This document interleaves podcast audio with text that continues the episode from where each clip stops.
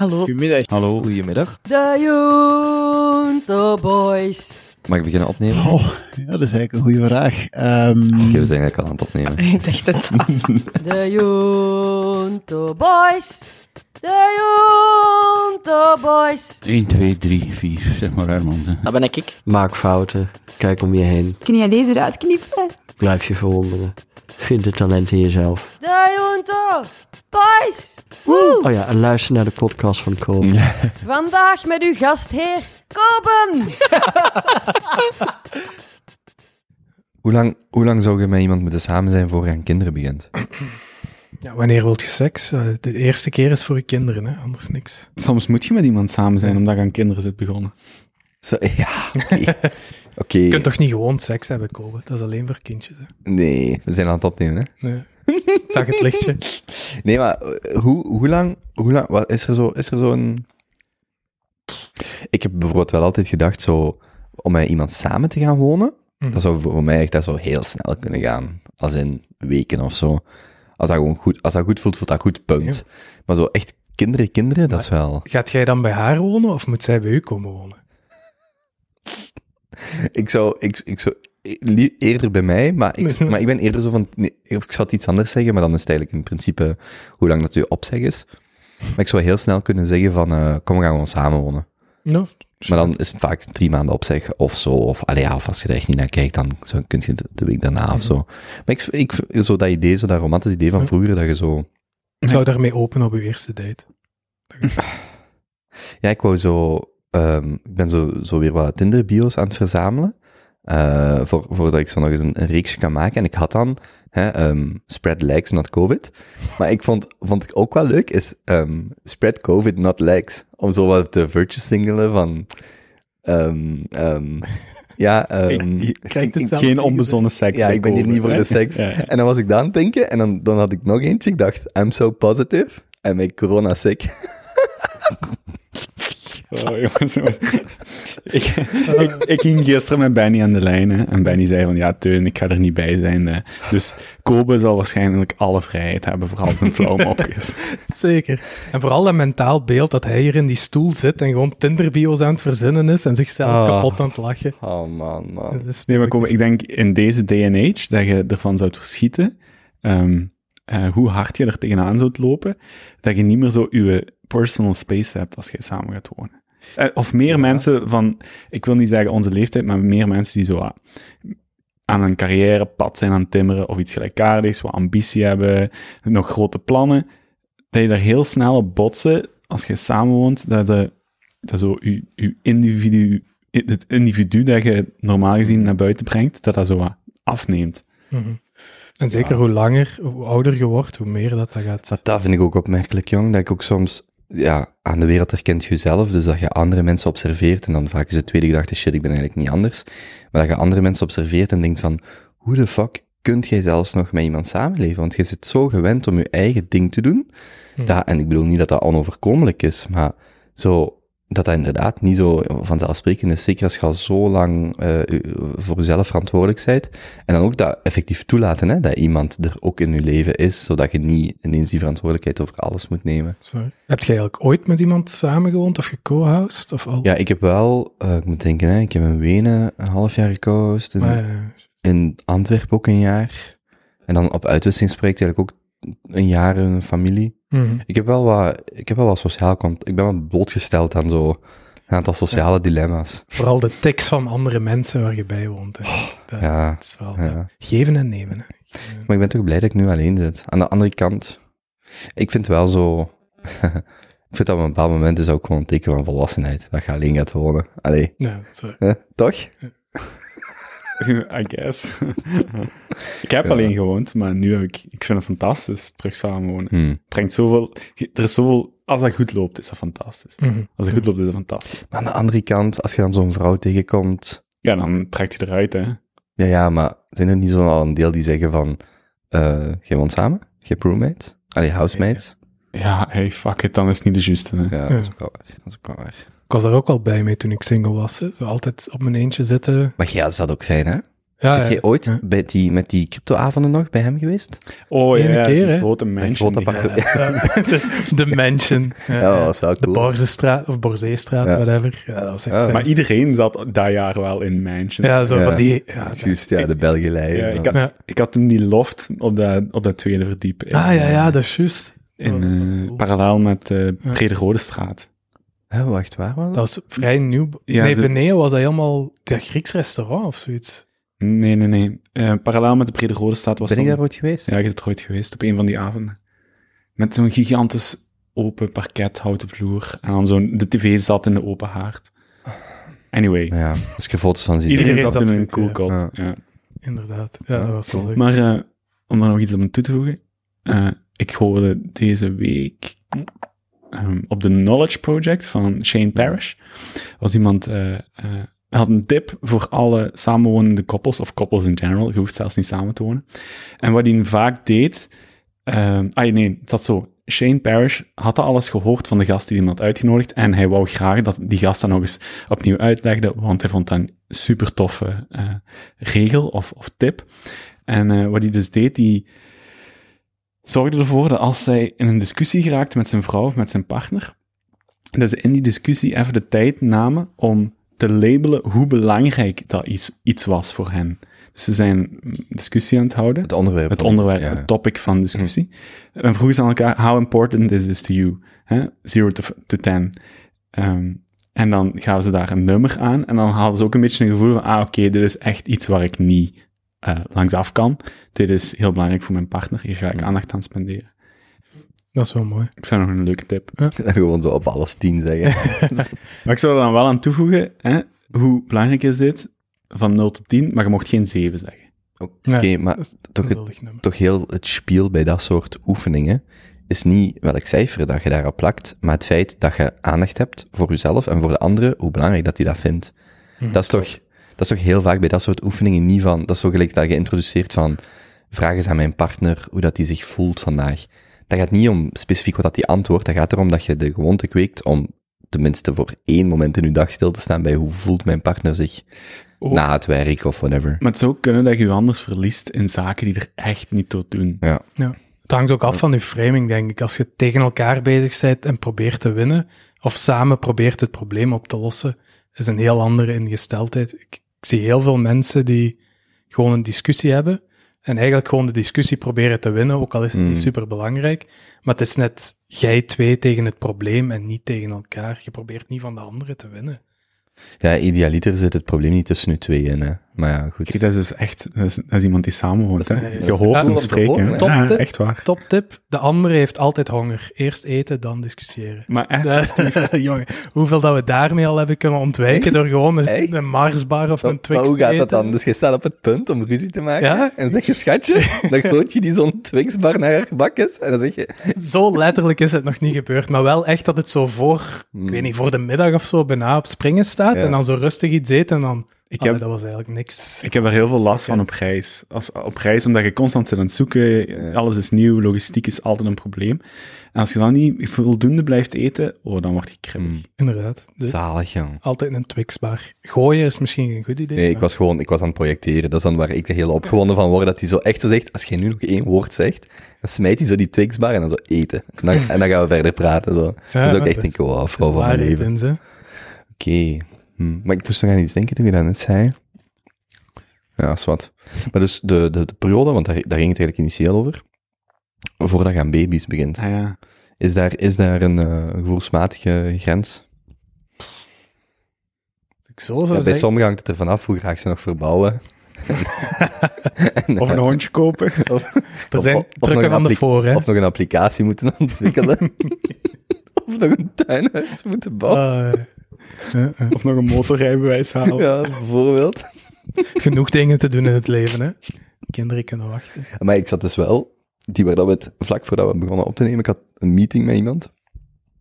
Eh eh, allee, iemand- een zestiger. En ehm, heel op het einde, ik vond dat wel, ik vond dat wel charmant, hè. Die zei zo, ehm, dat is een, een, een oudere man, en die zei zo van, ehm, we namen afscheid, en ehm, we moesten nog samen een stukje wandelen. En die zei zo van, "He- heb je al kinderen? Want ik had gezegd dat ik 29 ben, of, of bijna 30, en, En die zegt zo, heb je al kinderen? En ik zo, ja nee, ik heb ook, geen vriendin, maar ik zou dat wel willen. Ay, kinderen en een vriendin, ay, niet in die volgorde, maar... Hè? En ehm waarop dat die zo zei, van, ik zou daar wel niet te lang mee wachten. En ik vond eigenlijk dat ook wel, allee, je leeft al bijna een tijd van, hoe durft je tegen iemand zeggen dat hij zich zo moet haasten, hè? dus pas al bijna op. Mhm. Maar ik blijf dat, ik kan alleen voor mijzelf spreken, wel heel leuk wanneer iemand dat zo... Je zag ook, die bedoelde dat ook goed, want die, dat was ook goed bedoeld in de zin van, van je leven gaat voorbij, je zit op een heel aangename... Een beetje, dat deed mij denken aan wat wij vaak zeggen van met heel die coronatoestand. We zitten eigenlijk nog in een goede leeftijd, tussen aanhalingstekens, om dit mee te maken. Mhm. Gewoon, als je eh, grosso modo bekijkt. Of in een goede periode in ons leven. En deed mij daar zo'n beetje aan denken dat hij zo zei van... "G- Geniet daarvan, van deze leeftijd. Probeer dat wacht daar niet te lang mee, want zelfs zit je 40, maar tegen dat die kinderen dan eigenlijk een mooie leeftijd hebben, dat je daar echt iets mee kunt, hè, ja, dan zit je zelf al 70, 80, hè, en, enzovoort enzovoort. Dus die, die maakte wel het argument van, van dat, daar toch iets sneller mee te zijn. Natuurlijk, hè, hoe dat, dat dan loopt voor een ieder is, is, is anders. Mhm. Maar ik vond dat wel, die, die, je zag ook dat hij dat goed bedoelde, van wacht daar niet te lang mee, in de zin dat je, in de mate dat je dat kunt. En ik vond dat wel, ik was daar wel nog zo een paar dagen over aan het nadenken, van inderdaad, dat dat toch zo, misschien zo een bepaalde betekenis aan je leven geeft, of zo, zo'n, toch iets, iets extra invult, iets, voor mij klinkt dat zo typisch iets, je zit zo lang op zoek naar wie ben ik, wat doe ik, wat mijn dingen, en heb je ineens kinderen, en dan zie je zo van, ah ja, eigenlijk is dat, eigenlijk draait het daarom, en allee, dat is toch iets wat ik vaak zie bij vrienden, wat je vaak familie. hoort. Ja, Ja, ja. bij al die, zelfs bij al die podcasters en influencers, die zeggen dat ook al. Ja. Ik geloof dat ook wel. En je wilt zeggen... Ik ga geen namen zeggen, maar ik ken iemand... Wie, Die dat wie wordt er nu geschoffeerd? Nee, nee, nee, bijna. Die stond aan de schoolpoort. Alle en- moeders. Vandaag halen we alle moeders erdoor. Dat is niet zo moeilijk. Nee, de- die, stond aan de, die stond aan de schoolpoort en ze vroegen hem of hij de opa was. Dat is ook wel niet aangenaam, denk ik. Dat was een vrouw?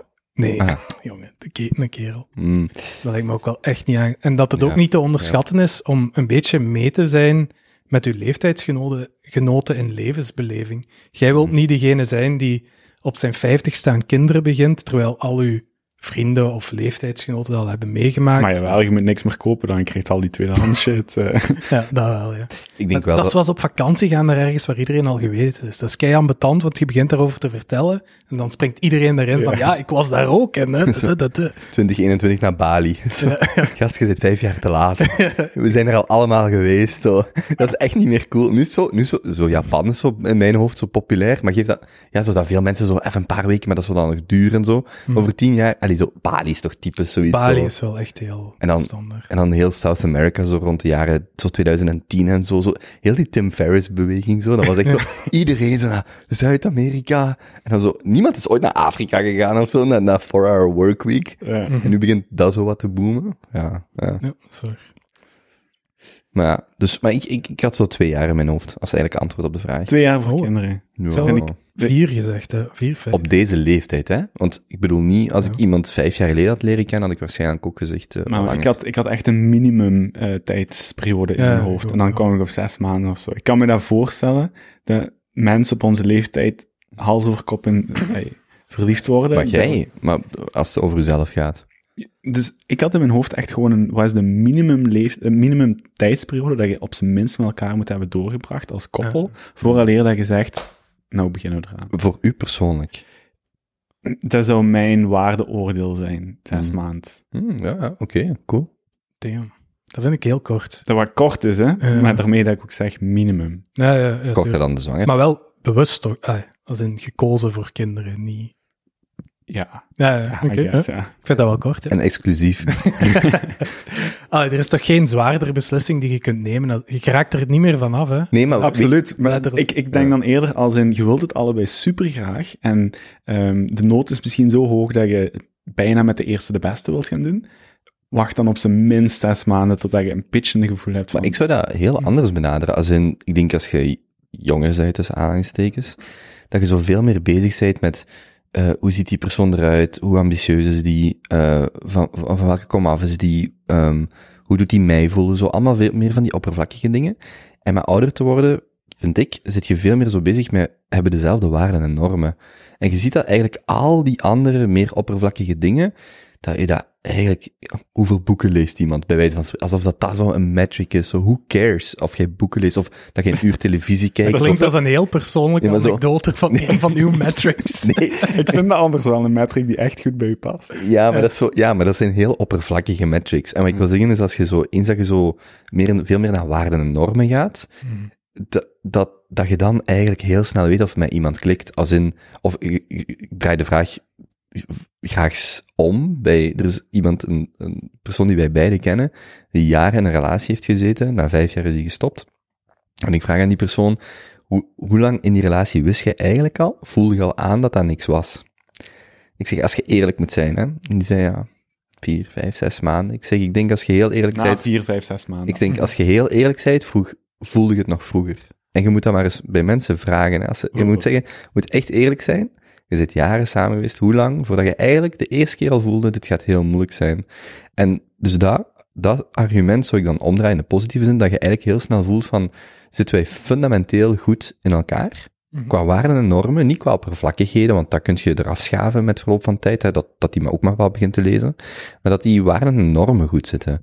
En dan kun je wel heel snel, denk ik, dan is zes maanden niet zo zot of zo. Mm. Maar is de vraag dan niet, hoe weet je dat het goed zit? Want dat heb ik een paar keer gehad in een relatie van, je begint je af te vragen, is dit hoe het moet voelen? Maar dat is toch een, dat is toch een indicatie dat het niet helemaal goed zit, als je dat afvraagt. Ja, ja, ja, ja. Oh. Er zijn wel gradaties. Hè. Je hebt altijd zo die eerste maanden, dat is superleuk. En dan Ja. na een tijdje wordt het ook een langere relatie. En dan begint je te denken, nu pas op, ik zit nu in een relatie, still riding high. Hè. Dus Mm. ik, nu weet ik wat het verschil is. Maar als je mij dat in een vorige relatie had gevraagd, weet ik niet of ik dat überhaupt geweten had, dat het ten eerste kon. En dat het ten tweede, ja, hoe dat dan voelt, een goede relatie. Hmm. Maar ja, dan, ja, inderdaad, maar dan zou ik zeggen, het feit dat je, ja, ik, ik, ik Ja, maar je hebt iets in uw hoofd nu. Je hebt een idee van wat een goede relatie en een goede vriendin van u is. Maar na Mhm. een tijdje begint je af te vragen, is dat Is de dat wel, realiteit? ja. Bestaat dat wat ik Ja. achterna streef? Of is mijn idee wel correct? Ja. Oh, ja. En ik wil zeggen, het bestaat. Blijven zoeken, zeker wel. Maar, allee, ja. Ja, dat is zo heel die discussie. Die, die twee pasjas zitten er nu niet bij, maar zo van het nog verliefd worden. Of het nog verliefd kunnen worden. Mm. En ik weet dat een van de twee zoiets heeft van, op een bepaald moment zit je daar gewoon rationeler in. Van, ja, ik wil ook een leven met iemand opbouwen. En dat romantisch idee van verliefd zijn, of de grote verliefdheid, dat houdt je soms tegen. Om, of daardoor gaat je goede mensen in je leven missen, want je zit maar op zoek naar dat één wauw gevoel bij iemand. Maar dan heb ik zo het gevoel van, ja, maar allee, jong, ik ben nog zo jong precies om zo dat al op te geven. Zo van, wauw, ik ben echt overdonderd door iemand. Zo, Ik zou dat ook niet opgeven. Maar Nee, wanneer, maar ja. zit, wanneer zit je niet meer jong? ja, ik denk wel dat je, ja, dat, dat moet iedereen voor zichzelf invullen, maar Ik bedoel niet hoe je voelt, hè. ik bedoel voor zo'n relatie. Wanneer zeg je, ja, misschien is het toch niet. ja, ik zat zo, ik vind 29, mijn leeftijd nu, gewoon nog te jong om het idee van, dat romantisch idee van echt verliefdheid, om dat op te geven. En zo, en zo te zeggen van, jij zit goed genoeg, met u ga ik iets uit. Ja, maar, ja, maar Op zijn trouw, ja, ze was goed genoeg. en ik begon oud te worden. ja, maar, ja, nee. Oh. Nee, op de, op de begrafenis. Ja, ik, mis haar. Ze was altijd goed genoeg. Hey, maar Kobe, Nee, misschien, maar, misschien nog een tip voor als je terug gaat daten en je hebt het gevoel dat ze goed genoeg is en je wilt ze echt aan je binden. Ehm, ik heb van horen zeggen dat als je je date, op een van de eerste dates, angst kunt laten ervaren, dat die... dat klinkt extreem fout hier. Maar Tegen wie zeg je Je kunt- nu weet ik wat, wat luisteraars bedoelen wanneer ze zeggen, dit klinkt als een cafégesprek. Het is echt zo, als je op een eerste, als je op een eerste date haar angst kunt laten voelen. Ja, maar je kunt dus, Sorry. Je kunt Ja. dus het Stockholm-syndroom in je eigen voordeel laten spelen. Blijkbaar- Junto deel, dateboek komt eraan. ik, ik weet niet op welke subreddit dat die heeft rondgehangen. maar Maar nee, dus, dus ehm, blijkbaar ligt de, de zone in je hersenen die geprikkeld wordt ehm, bij angst, ligt die vlak langs die van liefde.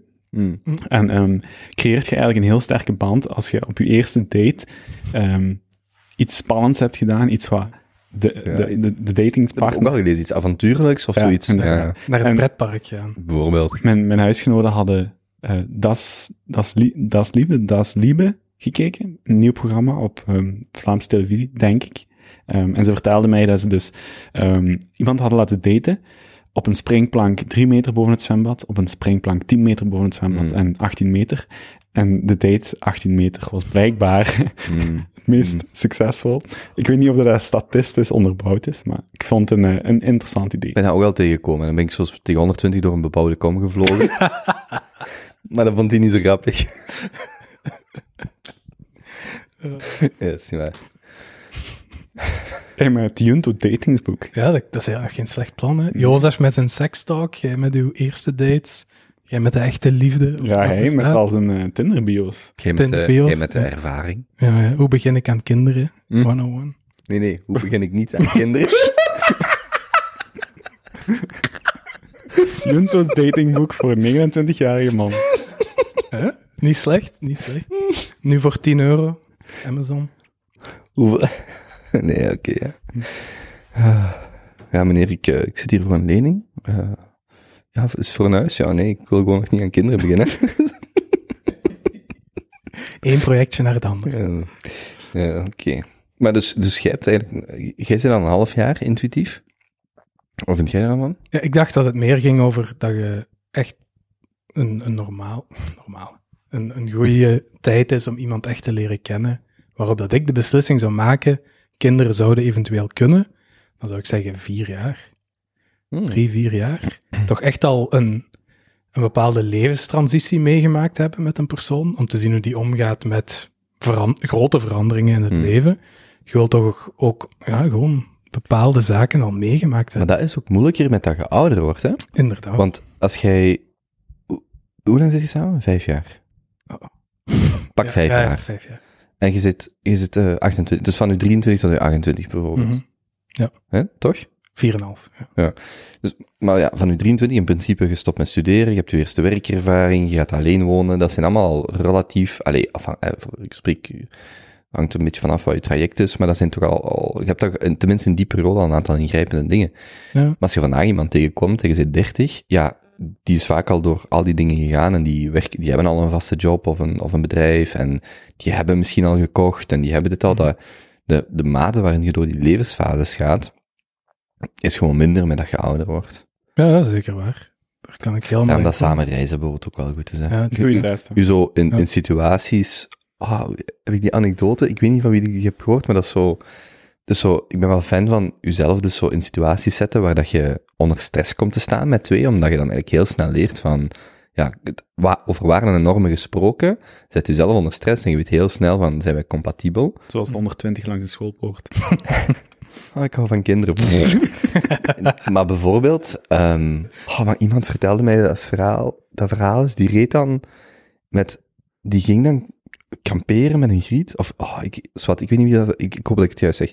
Die ging dan kamperen, die, die gooide een tent in zijn auto, ging die een paar dagen wandelen en wild kamperen, en die vergatte bewust, of die liet dan bewust thuis, zo die pinnen waarmee je een tent opspant Ja, ja. om gewoon te zien, of die hield hij zo ergens in de koffer, om te zien. dus het punt was zo, ik was aan het zeggen van het is fijn om, om, om iemand onder stress te zetten, om te zien of je compatibel bent, en dan kwam dat zo terug van, hè, dus zonder die dingen. En dan denk ik, ja, maar dat gaat al, dat gaat al echt ver, vind ik, want dan zit je echt iemand aan het testen, dat vind ik nu niet zo, dan is de, de jokes on, on you, want jij zit gewoon een idioot. Maar zo situaties waar dat je ineens je vliegtuig is vertraagd en je kunt niet meer, of weet ik veel wat, dat je zo heel hard voelt van, ah, maar wacht, kunnen wij nog met elkaar praten of zo? Dat je eigenlijk vier jaar condensed in, allee, bij wijze van spreken, hè? Ja. Want dan zie je heel snel zo van, zo, oh, we gaan onze, onze vlieger missen. Is dat iemand die echt begint te panikeren en, en op de gas en roekeloos begint te rijden? Of is dat iemand die, pakken we wel de volgende? Of, dan komen we morgen terug. Allee, zo dat soort dingen. Hoe doe je vier jaar samen zijn in enkele dates? Ja, Hoofdstuk 6 van het Junto datingsboek. ja ik vind dat wel goed, ja. Mhm. Ah ja, ik Ja, dat is heel vind dat idee relevant. goed. Dat is heel relevant. Ai, het is een beetje fucked up om dat zo wat bewust te gaan onsceneren. Maar, Ja, ja, ehm, want dat is het ook, klopt helemaal. Jij- je- moet deel zijn. Jij moet, het, het is niet, er is niks charmant aan iemand anders door een test te zetten. Het is charmant, allez, charmanter om, om daar met je twee zelf te ondergaan. Maar het is toch volledig terecht om te zeggen dat je die persoon ook wilt leren kennen in een moeilijkere situatie. Je moet die dan niet erachter zetten om die situatie te creëren, maar in vier jaar komt je er zo wel tegen. Ik vind dat wel. Ja. Bij mij waren die dat samenwonen en op reis gaan, dat waren geen bewust gekozen struikelblokken of zo, maar dat was wel belangrijk om te weten, kan ik daar ten eerste iets mee kopen en wie weet ooit aan baby's beginnen. Hmm. Ik vond dat wel. En dan was het nog een wereldreis met COVID, dus ja. Je leert iemand wel Dat kennen dan. dat is eigenlijk nog beter, want dat is eigenlijk een stukje een illustratie van wat ik bedoel. Je hebt dan een plan en ineens wordt dat volledig eigenlijk, eigenlijk onder je voeten weggehaald, Mhm. maar je zit wel alle twee in die situatie. En dan is de vraag, hoe ga ik ermee om? Hoe gaat hij of zij ermee om? En je partner, en hoe gaan wij ermee om? En als dat alle drie dan op het einde dan zo de conclusie is van, ah wacht, dat is alle drie check, check, check, dan is dat wel een heel, cool, heel coole conclusie. Ze gaan nog verbouwen, dus eh, die strakke blokken zullen wel komen. komt nog. Komt nog wel. Staat u, ik denk dat iemand zijn gsm nog wat dingen geeft, of op, niet op vliegtuigstand staat. Er zijn ook zo... Ik heb ook eens ergens gelezen dat je moet, goed moet kunnen praten over bepaalde topics. Ik ken, ik ken ze alleen niet meer allemaal, maar één is ervan natuurlijk baby's. Andere is geld. Er Mhm. zijn echt heel veel koppels waarvan ik weet dat die daar niet over praten, niet overeenkomen, moeilijk over doen. En dan is het nog werk en vrienden en familie of zoiets. En Maar vooral... ah, nee, sorry, sorry, zeg maar. Nee, nee, dat was... Ik, jij bent ook legit de enige, denk ik, die, tenminste als wij daar, we hebben daar jaren geleden eens over gepraat, die zo hetzelfde idee had, toen toch, ik weet niet of dat veranderd is voor u, over hoe dat je je lonen samensmijt, om dan eh, samen eigenlijk je kosten te verdelen.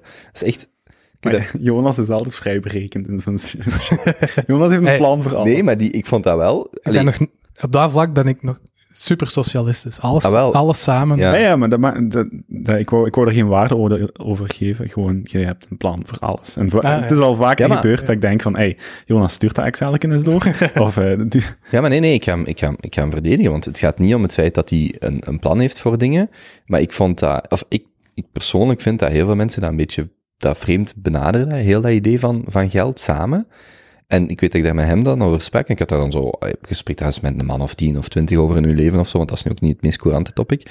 En dat ik iets in mijn hoofd had, en hij zei hoe dat hij dat zou doen dan, op dat moment, denk ik. Mhm. En ik zo, oh ja, uiteraard, exact. Ik zie zelfs niet hoe dat je dat anders zou doen, bij wijze van spreken. Hoe zou jij dat doen? Ehm, ik, ik, het, enigste, het enigste waar ik nu aan denk, is, is zelfs uw procentuele opdeling die jij in de tijd... ehm, dat was toch procentueel, hè, Ja. dat je het opdeelde? Ja, toen in het begin wel, ja. Maar daar ben ik op teruggekomen. Het is nu gewoon alles is samen en dan heeft ieder zijn, krijgt van die pot een klein budget en al de rest is samen. Hetzelfde budget ook. Maar wat je voor de relatie had, blijft van u. Mhm. Dat is en toch... erfenissen en zo ook. Dus waar alles is samen en ieder krijgt van die pot een percentueel budget. Nee, nee, nee. Gewoon, Afgesproken bedrag. Dus, eh, mocht dat bij ons, wij gooien alles samen en dan komt er 300 per persoon. Dus pak je, pak je verdient 2 en 3000 euro. Je hebt een pot van 5000 bijvoorbeeld. Ja. Je hebt een pot van 5000 euro. Ja, dan Dan- krijgt ieder 300 spendeerbudget en al de rest is samen. Ja. Maar het is daarom niet dat ik niet, weet ik veel, een, eh, wat ik, een PlayStation kan kopen van dat samen budget, maar dan is dat gewoon Samen. even zeggen Ja. van, ik ga dat kopen. En als uw vriendin daar moeilijk over doet, is misschien ook een teken dat... we hebben, ik heb lang een try-count gehad, gewoon nog. En dan wel een gezamenlijk... Gewoon echt, als er iemand aankopen doet, zet je dat even in een try-count. En zo houd je dat wat bij, hè, alles wat gezamenlijk is. Ehm, we hadden zelfs nog geen, geen pot. We hadden, we hadden wel een bankrekening en daar werd nutsvoorzieningen en zo mee betaald. Maar, de Maar dan heeft toch nog ieder zogezegd de overschot voor zichzelf. ja, ja, dus je houdt het meeste van jezelf Ah, gewoon. wel, ja. Dus dat idee vind ik zo... Dus wat, ook heel raar. wat hij zegt, vind ik, lost heel veel lang... Het idee is allemaal, in mijn hoofd, bekijk je dat kort of lange termijn. En als je lange termijn kijkt, en bijvoorbeeld iemand valt ziek, of iemand is zwanger, of iemand wil een jaar niet werken, basically, als je die pot hebt, dan maakt het niet uit, dan maakt het niet zoveel uit wie bijlegt. Je hebt een pot en iedereen krijgt hetzelfde. Hmm. En er is geen differentiator meer, of er is, geen onderscheid meer tussen wie verdient meer, wie verdient minder, wie gaat Ja. harder werken, wie heeft een goed jaar gehad. Dat is gewoon Ja. een pot. En je hebt wel een gelijk deel. En ik vind dat, Ja. Vanaf, vanaf hoe ver in, of hoe lang in een relatie heb je dat opgezet zo? Toen we samen vanaf, dat, zijn gewoon. vanaf dat zij meer begon te verdienen. Uiteraard, heeft voor alles een plan. Ja. Toen we zijn gaan samenwonen. Ah, ja, Vanaf dan Wa- Wanneer is het? Is dat twee jaar? Eh, Hoe lang was dat een relatie? mm, een jaar, Ja, denk ik, ja. ongeveer. Ja. Het zal zoiets zijn, hè. Ja. Ik weet niet, je woont dan samen en er is niks ongelijker dan hetzelfde samenleggen. Want degene die veel verdient, houdt dan kei veel over. En degene die weinig verdient, niks. En dat is net uw spendeerbudget. Ja. Dus de ene kan iedere maand nieuwe schoenen en een Mm. pak en weet ik veel wat Mm. kopen. Gaan uit eten. Zo ken ik ook koppels. En dan kan die en altijd zeggen, ja, maar ik trakteer wel voor het eten. Dat is toch... Hoe, Hmm, Ja. wat een ja, lelijke manier om dan...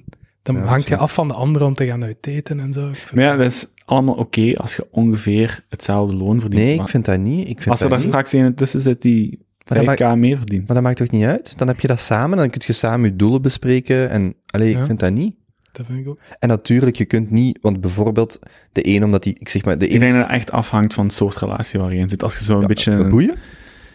met, met een of andere money grabber of, of eh, Ja, oké. Maar dat toch- van alles Je gaat toch samen tegen het leven? Het is toch niet, ik wil het beter doen in het leven als jij? Je Ja, wilt ja. toch net... Ik denk, denk dat je ervan zou verschieten dat niet iedere relatie zo... Teun, maar dat is, dat is niet waar wij het over hebben als we over onze droomrelatie spreken. Hè? klopt. goede- Want zelfs, stel dat jij verdient bijvoorbeeld 5000 euro netto en die madame 1000 euro. Of even of 1000 euro, maakt niet uit.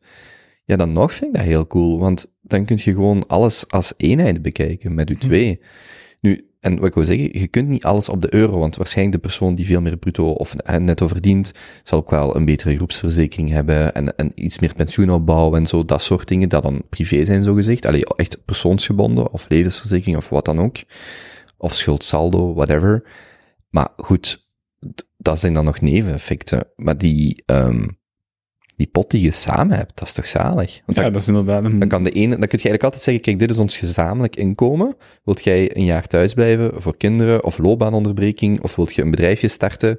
Dit is de pot die wij samen hebben. En, en er is geen jij of ik, er is gewoon wij. En ik vind, en, en ook zo het idee van, ja, da- dan, dan, stel dat uw partner dit eens heel goed doet, en jij hebt gewoon uw, uw, uw, uw loontrekkende loon, 2, 2000, 2500 euro, 3000 euro over uw carrière, en uw partner doet supergoed en die verdient eens 10.000 euro per maand. Het bedrijf gaat supergoed. Ja, dan is dat toch ook veel meer gedeeld. Dan is dat zo, dit is ons, want, en ik kan mij dan voor, moest mijn vrouw superveel verdienen, 10.000 euro per maand, en die zegt, en, het idee, en de vraag zou komen, wilt jij wat meer thuis blijven voor in het huis de dingen te doen? Ja, en dat voelt dan veel meer gedeeld, dat is toch zalig? Mhm. Want dan zeg je, oké, gaat, jij maar, gaat jij maar drie jaar keihard doorwerken, dat je dat bedrijf misschien voor 5 miljoen kunt verkopen over vijf jaar of tien jaar, en ik doe hier mijn ding, en je zit altijd één, en dat geld komt dan niet tussen u twee. Tenminste, in mijn hoofd zou dat dan niet tussen u twee hoeven te komen. En ik geloof ook niet dat je dat überhaupt... Want jij zei dan, iemand verdient 10.000 euro, iemand iets minder. Dat je die 10.000 euro kunt verdienen, zonder dat er iemand achter u staat die dan... Ja. Ja, Ja. dat is dan een beetje sneu gezegd, dat is in het vochtrecht houden. Maar stel, je hebt kinderen, je hebt iets anders te doen. Dat is waar. Oké, die verdient daar niks mee, maar die geeft u de bandbreedte om daaraan te werken. Absoluut. Maar vanuit de assumptie dat we in een droomrelatie zitten waar dat iedereen Ja. gelijk is, hè, jammer genoeg zijn er waarschijnlijk niet Ja, maar het is ook, dat is, zoveel. dat is waar, maar dat is ook een kip-en-tijd probleem, hè? Ja, ja, absoluut. Want- maar want ik, ik ben maar, ik ben ik maar ook heel- nuances aan het Ik geven. weet, ik weet, maar ik hoor ook veel mensen zeggen, ja, dat kan ik niet, want ik ben niet zeker dat mijn partner... Dan zeg ik je, mijn gast, begin eens met uw partner te vertrouwen.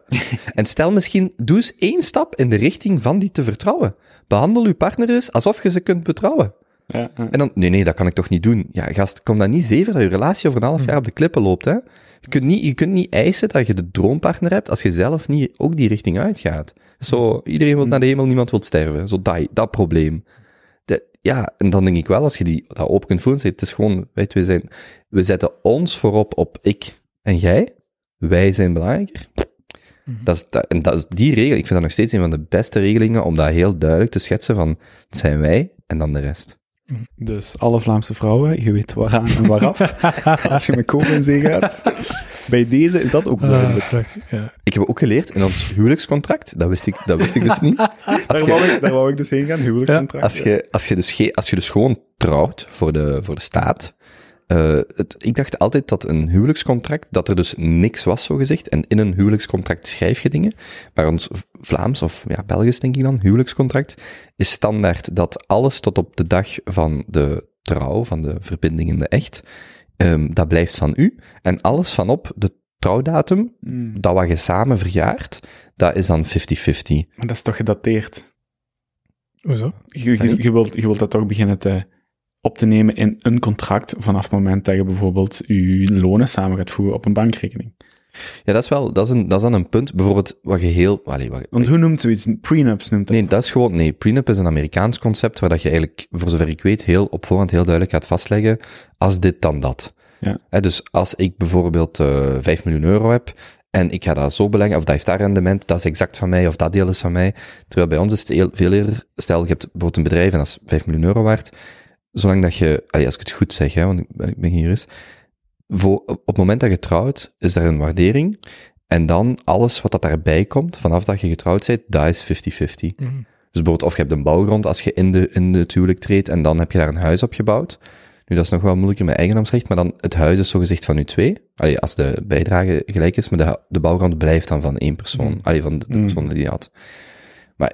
Ja, goed, dat is dan een beetje de vraag van als je echt alles 50-50, allee, als je alles in een pot gaat gooien, ja, doet je dat ook al van dag één. Maar ik denk dat veel mensen daar wel naar evolueren over de jaren heen. Van Mm. ja, uiteindelijk wordt dat wel zo. En Maar dat wist op, ik dus niet. Dat is dus de standaard. Het hoeft ook niet. Hè. Ik ken ook, die zijn nu bijna op pensioen, die hebben nog altijd aparte rekeningen en die doen alles apart en die leggen af en toe eens samen. Maar die hebben dan wel lonen die ook relatief kort bijeen liggen, ook toevallig een beetje dezelfde soort erfenis en spaarpotjes gehad. En dan kan dat ook perfect. Hè. Mm. Ik wil zeker niet prediken dat het enige mogelijkheid volledige equality is. Dat is wel waar, maar als je dan naar de wereld kijkt waarin wij opgroeien, of, eh, want je zegt mensen die bijna op pensioen gaan en gewoon even eh, heel veralgemeniseren, ja, ziet je nog zoveel koppels die, dus ik kan me voorstellen, ik zal het dan zeggen, twee generaties geleden, de kans dat je zo hetzelfde eh, traject had, was gewoon veel groter, want iedereen had nog min of meer een carrière bij een bedrijf of bij een overheid. Terwijl nu, ja, nu zeg je, ik wil een jaar gaan reizen, of ik wil nog dit doen, of ik wil nog dat. Er zijn gewoon zoveel andere dingen die een impact hebben op je, op uw inkomen of op je carrière, dat dat heel moeilijk is om ervan uit te gaan. Ik, ik ga er toch niet van uit als ik iemand leer kennen dat die dezelfde carrière, en dan bedoel ik eigenlijk hetzelfde inkomen gaat hebben als mij, gewoon omdat er zoveel meer dingen zijn of manieren om je leven in te Mm. vullen. Dan Ja, misschien als je centrumsteden bekijkt, als je. Ja, als je ja. de gemiddelde gemeente of, of dorpen bekijkt, dan is het nog wel iets traditioneler. Ja, maar zelfs daar, hè, met al dat remote werk en dan is een stukje, ja, Mm. meer free, ja, maar inderdaad, dat zal wel, Zeg me, boys, voor alle luisteraars die misschien een beetje verdwaald zijn, wordt dit de Junto Boys relatiespecial of gaan we nog terug naar de vragen? Hoe lang zijn we al bezig eigenlijk? Toch wel. 36 minuten. 36 En, minuten. en ik weet, jullie gaan dat misschien een dwaze opmerking vinden, maar ik heb wel van zo- zo'n paar keer gehoord zo dat mensen zeggen, Kobe, met die Limburgers, zo van uw stem weet ik ondertussen wel, maar die Jonas en Teun, ik ben altijd in de war, want die klinken alle twee Limburgers, dus ik ben altijd in de war, wie is nu wie? Vind je dat ook, dat wij hetzelfde klinken? Ik vind dat niet, maar ik begrijp wel, maar stel u voor, we luisteren naar de Junto, de West-Vlaamse Junto Boys. Ja, dat is waar. Die klinken ook allemaal hetzelfde, hè. Dat zijn gewoon allemaal Jongens, En daar West-Vlaanderen. gaan alle West-Vlamingen Eh. ook weer. Ik werk dus in West-Vlaanderen, tussen, een, tussen een bende steenkappers, maar dat zijn echt van die oude arbeiders, noeste arbeiders, hè. allemaal vakmannen wel. Hè. Mhm. Maar ik versta er dus niks van. Hè. Die mannen die lachen zich een kriek hè, als ik langskom. Ik moet gewoon tien keer vragen, wat blief. Eh, is er ook veel lawaai. Ik kan me zo voorstellen, zo'n haal. En dan zeggen die iets. Ja, voilà, voilà. voilà. Ja. Het is wel zalig om daarnaar te kunnen kijken en volgen, denk ik. Zo die Oh jong, zo vakmensen. Dat is toch zalig? Dat, ja, dat, is, dat zijn echt kunstenaars. Dat is, dat is, niet, dat zijn niet, geen arbeiders, dat zijn echt kunstenaars. En dan- doen. Je moet je dat voorstellen, zo'n bedrijf. Hè. Je hebt dan zo echte vakmensen die, die het ontwerpen en het maken. En dan huren die zo'n paar van die jonge gastjes in om dan zo hun spullen, zo bijvoorbeeld in een showroom te krijgen. En you had one job. en dat lukt dan niet. Hey, het is nog niet gelukt. We moeten, we moeten, we moeten gewoon een, een etalageraam eruit halen om onze anderhalve ton zwaarwegende... En dat wist je niet op voorhand. Eh, Jawel, wel. we hebben gewoon last minute moeten cancelen, omdat we Hmm. met de traditionele kraan niet in de showroom geraakt. En nu moeten we de etalage eruit eruit nemen. Alright. Oké. Binnenkort op eh Nieuw-Zuid in Antwerpen, in de hub. Hmm. We gaan daar, by the way, eens een podcast opnemen. Graag. Aan die tafel? Aan die gigantische tafel. En dan, eh, Ja. dan zal ik voor jullie koken. In het kleinste restaurant van eh, het Nieuwe Zuid. Ah, nee, En- die hebben ook een keuken en zo. Ja. Oké, fair. Oké, graag, cool. Ehm, maar dus wij, ik was aan het zeggen dat dus er mogelijk een verwarring is met jullie Hmm. Limburgs accent. Tja, kijk. Jammer. ja, dat was het ook. Ja. Dat is dan alleen voor de echt trouwe luisteraars. Hmm. Jij kunt die, als dat zo vast zit, hè, kunt die Nee, ik vind het eigenlijk gewoon te, te fijn om mee te spelen. Ik weet, Zoiets en vals. ik, word daar, ik, ik moet dat dus echt loslaten, hè, maar dus Benjamin ook, jij begint ook al zo, hè. Die zijn dan constant zo aan dat ding aan het brullen. Ik denk, gast, fucking 600 euro, blijf daar gewoon met je pollen vanaf. Maar, nee, is oké, is oké. Kom, vraag Oké. 1. Oké. Is er nog iets van housekeeping dat we moeten meegeven? Ja, we zijn met een website bezig en er komen tassen, maar als we, we gaan dat gewoon deftig lanceren. Ondertussen ook een En- Into datingsboek. Ja, en uw, uw foto's dus verkocht en 92 euro naar de bospot. Ja. Ik weet niet of ik dat al echt eh, gezegd had gezegd. Bij ons op het werk hebben ze die eh, muismat ook, eh, ze, zijn die te- ze hebben die gezien. Ja. En ja, mogelijks, mogelijks zijn er een deel van de sales ehm, die ook wel een muismat willen hebben op hun bureau. Moeten we eens kijken wat voor bots daar we voor willen plaatsen. Ik vind, als er nog mensen zouden zijn, dat we die daar ook gewoon 100 euro voor moeten vragen. Oké, dat is dan En- deze besloten. En het gaat naar de bospot. Hè? Zwaar. 90 euro gaat naar de bospot. Prachtig. Dat vind ik wel... Als jij dat oké vindt, dat je tot muismat gereduceerd wordt. Dat ik een bloot bovenlijf op de bureaus van mijn werk lig, ja. Als dat 100 euro opbrengt per muismat. Hmm. Hoe zit het eigenlijk nog met de nummers? Van De, luisteraars Eh, dat is eigenlijk een, al een half jaar echt zo gestagneerd. Hm. Zo vrij stabiel. Ik zie wel dat er bijvoorbeeld uitschieters zijn met zo'n Evi Hansen en zo, als die dat zelf delen. Maar ik heb dat onlangs vroeg nog iemand aan en ik zeg, ik denk dat er, wacht even, zeg ik het, maandelijks ehm 2 tot 4000 unieke luisteraars zijn, die dan 1 tot 5 afleveringen luisteren per maand. Ja. Dus dat is dan, als je het dan simpel berekent, is dat tussen de 2000 en de 20.000 downloads, wat een heel grote, grote range is. Maar dat is omdat dat zo moeilijk is om te weten, was nu één luisteraar, was nu, hè, want dat zinkt automatisch op je iPod, op je, of op je iPad, op je iPhone, op je laptop en dan... Maar dat is zo de conclusie die ik nu heb. Want bijvoorbeeld Spotify ziet je dat heel duidelijk, is dat zo tussen de 500 en 1000 per week. En Mhm. Spotify is meestal zo een derde van totale luisteraars. Oké. Maar het is zo wat, zo wat moeilijk om, eh, om te zeggen. Ik vind het ook wel heel jammer dat die live shows, dat we daar niet mee kunnen experimenteren. Zo ondertussen zo voor zo ja, 20, 30, 50 man, dan is 100 man. Maar ja, Kijk. goed. We naar vraag 1 gaan? Hoe gaat het? Een hoogtepunt en of stressje van de laatste tijd? Ik kan wel beginnen met een stressje. Eh, het is zo de periode waarop dat je zo heel kleine dingen, dat je er echt veel te hard over kunt opjagen of over stressen. Nou, dit is zo eentje wat, wat Klinkt dat- vrij klein was. Klinkt en- alsof we weer ergens een ambtenaar gestegen nee, nee, nee, nee, nee, nee. nee. Ik, heb, ik kom dus van Limburg, zoals er net aangehaald. En ik heb daar eigenlijk ook nog een, een mooie groep vrienden zitten. Eh, ik vind dat eigenlijk wel heel aangenaam, want die hebben toch een ander levenspatroon als de meeste mensen die je hier zo wat tegenkomt of op het werk. Ehm, wat ik daar heel leuk aan vind, is dat die, die hebben een heel andere visie op het, op het leven, want er zitten inderdaad wat ambtenaren tussen, leerkrachten tussen, mensen die meer gefocust zijn op het familieleven, eh, maar ook wel een aantal ambitieuze. En het leuke aan die groep is dat je... eh, Toch even zo? dat was, Toch even dat is niet, nee, nee, nee, nee, nee, Nee. dat is niet mutueel exclusief. Nee, nee, nee. En het leuke aan die groep is dat het een beetje live and let live is. Terwijl als je zo in deze regionen komt, zo kun je al rap een halve dag kwijt zijn aan discussiëren over de laatste cryptocurrency of Hmm. waarom dat er weer niks van het Amerikaanse politiek in de krant staat. Of iets van dat. En daar is het meer, je laat elkaar gewoon wat doen en de een denkt dit en de ander denkt Heeft dat. hij ons nu gedist? Hij heeft ons even Ieder gelijk voor de wet. Godverdomme, daar gaat mijn Hey, voorbereiding. Ik kan genieten van alle twee. Kijk, dat is, dat is, dat is allemaal niet erg. Dus een van die vrienden is eh, tijdens COVID, of die, die gaat 30 worden. Eh, vriendin eigenlijk. Ehm, en ja, dat is natuurlijk een beetje sneu, want je kunt je, je 30-jarige verjaardag niet zo goed vieren. Maar nu was er gelukkig, en dit dateert de post- podcast misschien wel, een paar weken geleden, mocht je zo even met 10, 10 man afspreken. eh, om toch samen te komen, eventueel buiten een barbecue doen of zo. Ehm, dus daar ging iets van komen. En natuurlijk vragen ze aan iedereen, ja, wie kan er komen? Hè? Kunnen we iets regelen in de tuin? We hebben allemaal toegezegd. En dat zijn dan mensen met een andere soort levensstijl. En ik doe soms ook wel eens graag zot, maar er zijn bepaalde grenzen aan. Er kwam er zo'n berichtje binnen of dat alle mannen van die vriendengroep dan niet hetzelfde soort kleren konden aandoen.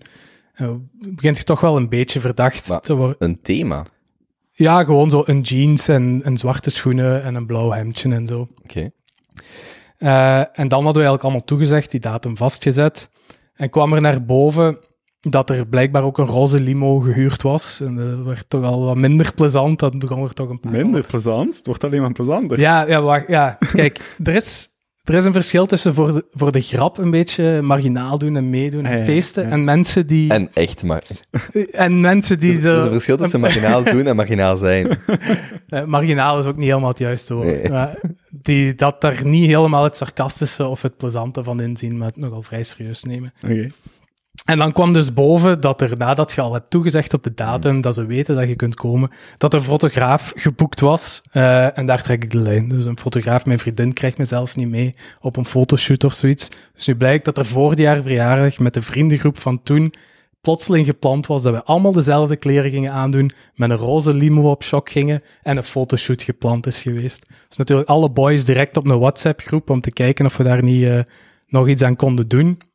En daar zijn, ik denk, een hele avond lang wel wat stressjes over geweest, over daar zo een fotoshoot die plotseling geregeld was. Maar kunnen we de foto's zien? Eh, jammer genoeg, maar echt, allee, we, hadden er allemaal enorm veel zin in, maar kwam de dag erna het nieuws dat, eh, ja, dat het toch terug is dichtgeschroefd. Dat we jammer genoeg Oh, maar ik met had- vier man buiten mogen.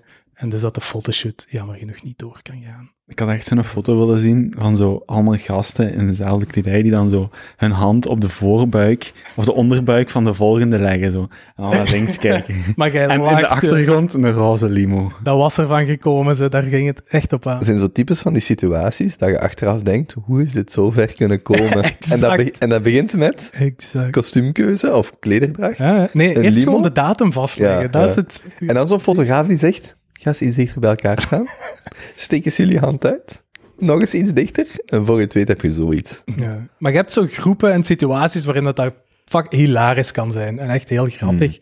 Maar d- dit was zo geen situatie geweest, denk ik. En dus die verjaardag is eh, voorbij gegaan. Eh, nee, die komt nog, maar we gaan allemaal eens apart langs. En we hebben wel iets geregeld, maar eh, er komt geen fotograaf aan de pas. Nog, zover ik weet, ik, eh, ik zal het u laten weten binnen een paar weken, ook geen roze limo. En is de dame in kwestie op de hoogte van die plannen? Weet ze het ondertussen? Of, of... Ze weet het ondertussen nog niet alles, maar ik heb ook niet uitgeweid over wat, wat Ja, wel of niet. ja. Maar dus die foto komt er niet meer. Die foto komt er waarschijnlijk niet. Nee, jammer genoeg. Jammer. Misschien nog iets dat we kunnen doen met de Junto. hè. Een roze limo huur. Ik was het net aan het denken. Oké. Nog zo'n foto-dingetje. Ja. Ja, ik heb iets positiefs, maar als het iets heel persoonlijk is, ben ik altijd wat cryptisch, dus vergeef mij. Ik ben dus naar de psycholoog aan het gaan, daar vier keer geweest. Aantal oefeningen aan het doen, of een aantal eh, oefeningen en, en, en besprekingen. En ehm, ik ben heel blij dat ik het eh, de afgelopen week een aantal gesprekken met een persoon in kwestie heb gehad, die mij heel veel deugd hebben gedaan. En dat is rechtstreeks, of dat is causaal ehm, verbonden met, met toch die oefening met die psycholoog en, en daar toch meer mee bezig zijn. En het is iemand die ik eh, heel graag zie, die ik, eh, ja, waar ik wel was, misschien wel niet per se was van vervreemd, maar wel een veel hechtere band mee zou kunnen hebben. En dat doet mij heel veel deugd. En die persoon ook. En ik ga er voor de rest kan zo niet, want ik Zalig, doe dat niet zo graag, maar dat is echt iets wat mij, ik wil daar graag gerust off the record zeggen wie dat, dat is, maar dat is zo, dat doet mij heel veel deugd. Want ik moet zien, maar ik ben er zelf nu, ik word daar geëmotioneerd van, maar dat doet mij heel veel deugd. Stop Dus, met ja. praten, dan zijn ze Ja, blij. Ja, ja, ik moet er echt mee, nee, want dat doet mij echt oprecht deugd en ik wil dat wel zeggen, want uh, ja, is wat. Dus dat is absoluut, absoluut heel fijn. En ik hoor ook van anderen er rond dat hij heel veel deugd heeft gedaan, dus ja, kijk. Lekker aan jezelf aan het werken. Dat is mooi. Ja, en dat is eigenlijk ook wel, allee, dat is los van, dat ene, van die ene anekdote, dat is zo, dus ik vind zo naar een psycholoog gaan, om dat zo op een heel uh, stereotype manier te zeggen. Ik weet nog steeds niet goed wat ik daarvan vind, want dat is zo wat werken in het eilen. Ik spreek voor mijzelf, hè, want ik, heb, ik ben daar ook binnen gegaan en ik heb ook gezegd, ik heb geen acute problemen, ik heb geen depressieve klachten, um, ik heb geen slaapproblematiek enzovoort enzoverder, ik neem geen pillen. Allee, niet op uh, vaste tijdstippen. En, nee. En, nee. En, um, dus in die zin is dat dan ook wel moeilijk, om allee, je hebt niet als je geen duidelijke probleemstelling hebt, dan heb je ook geen duidelijke oplossing of zo, alleen min of meer. En, en, en dat vond ik dan wel, dat was één aspect, maar ondertussen is het dan toch zo wat dingen in kaart aan het brengen, en dan, um, ja, natuurlijk die persoon, als die competent is, die gaat daarmee aan de slag.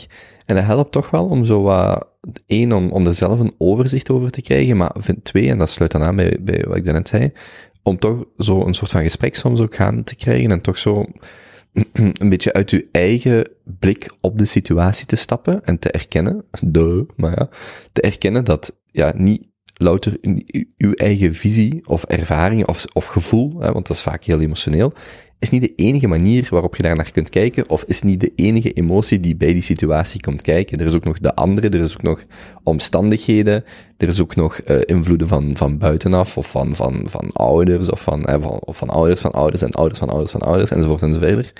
En dat helpt dan wel, dat je daar toch zo'n soort van openheid kunt in creëren, of jezelf, dat die, die naar de psycholoog gaan, zo een, een soort van... Uh, um, um, license, een, een soort van uh, ruimte creëert om, om een gesprek aan te gaan met uzelf, met je omgeving. En dat is wel, want jullie weten alle twee denk ik, van die feedback zo aan drie mensen, uh, dat gaan mensen feedback moest vragen voor zo, dat was zo een van de oefeningen dat ik moest doen.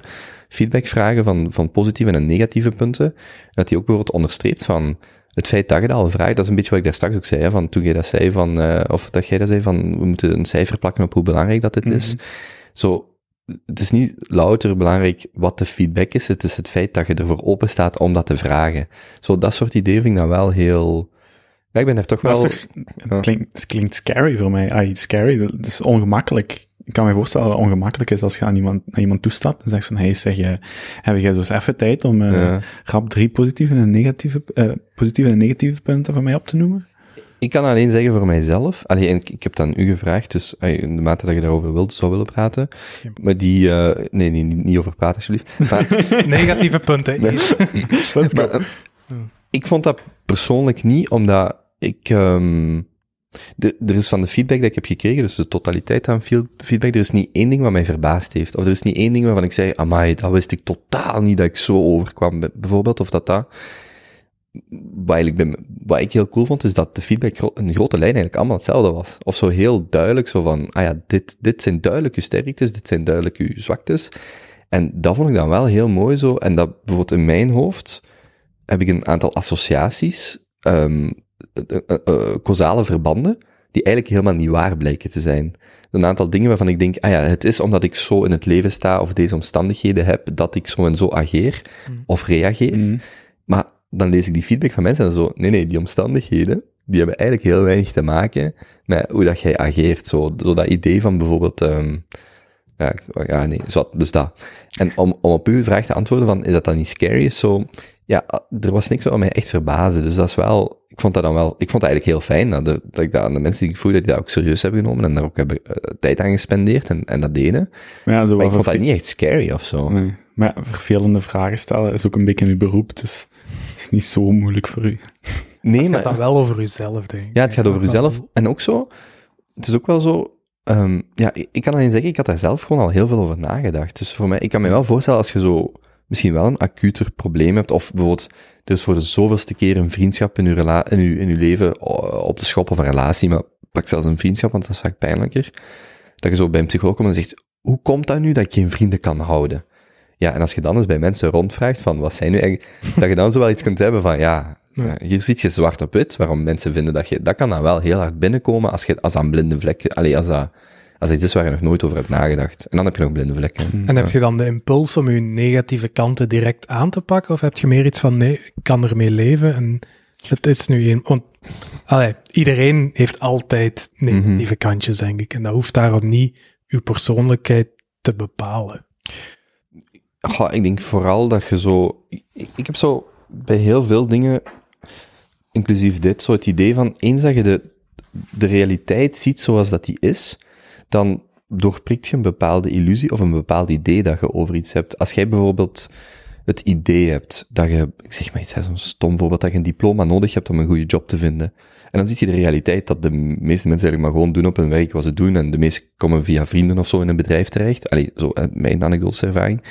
Dan zit je ineens van, maar wacht eens, ik heb eigenlijk dat diploma niet nodig voor wat ik vandaag doe. Ik ben gewoon, ik heb gewoon de juiste mensen nodig, zo, dat idee.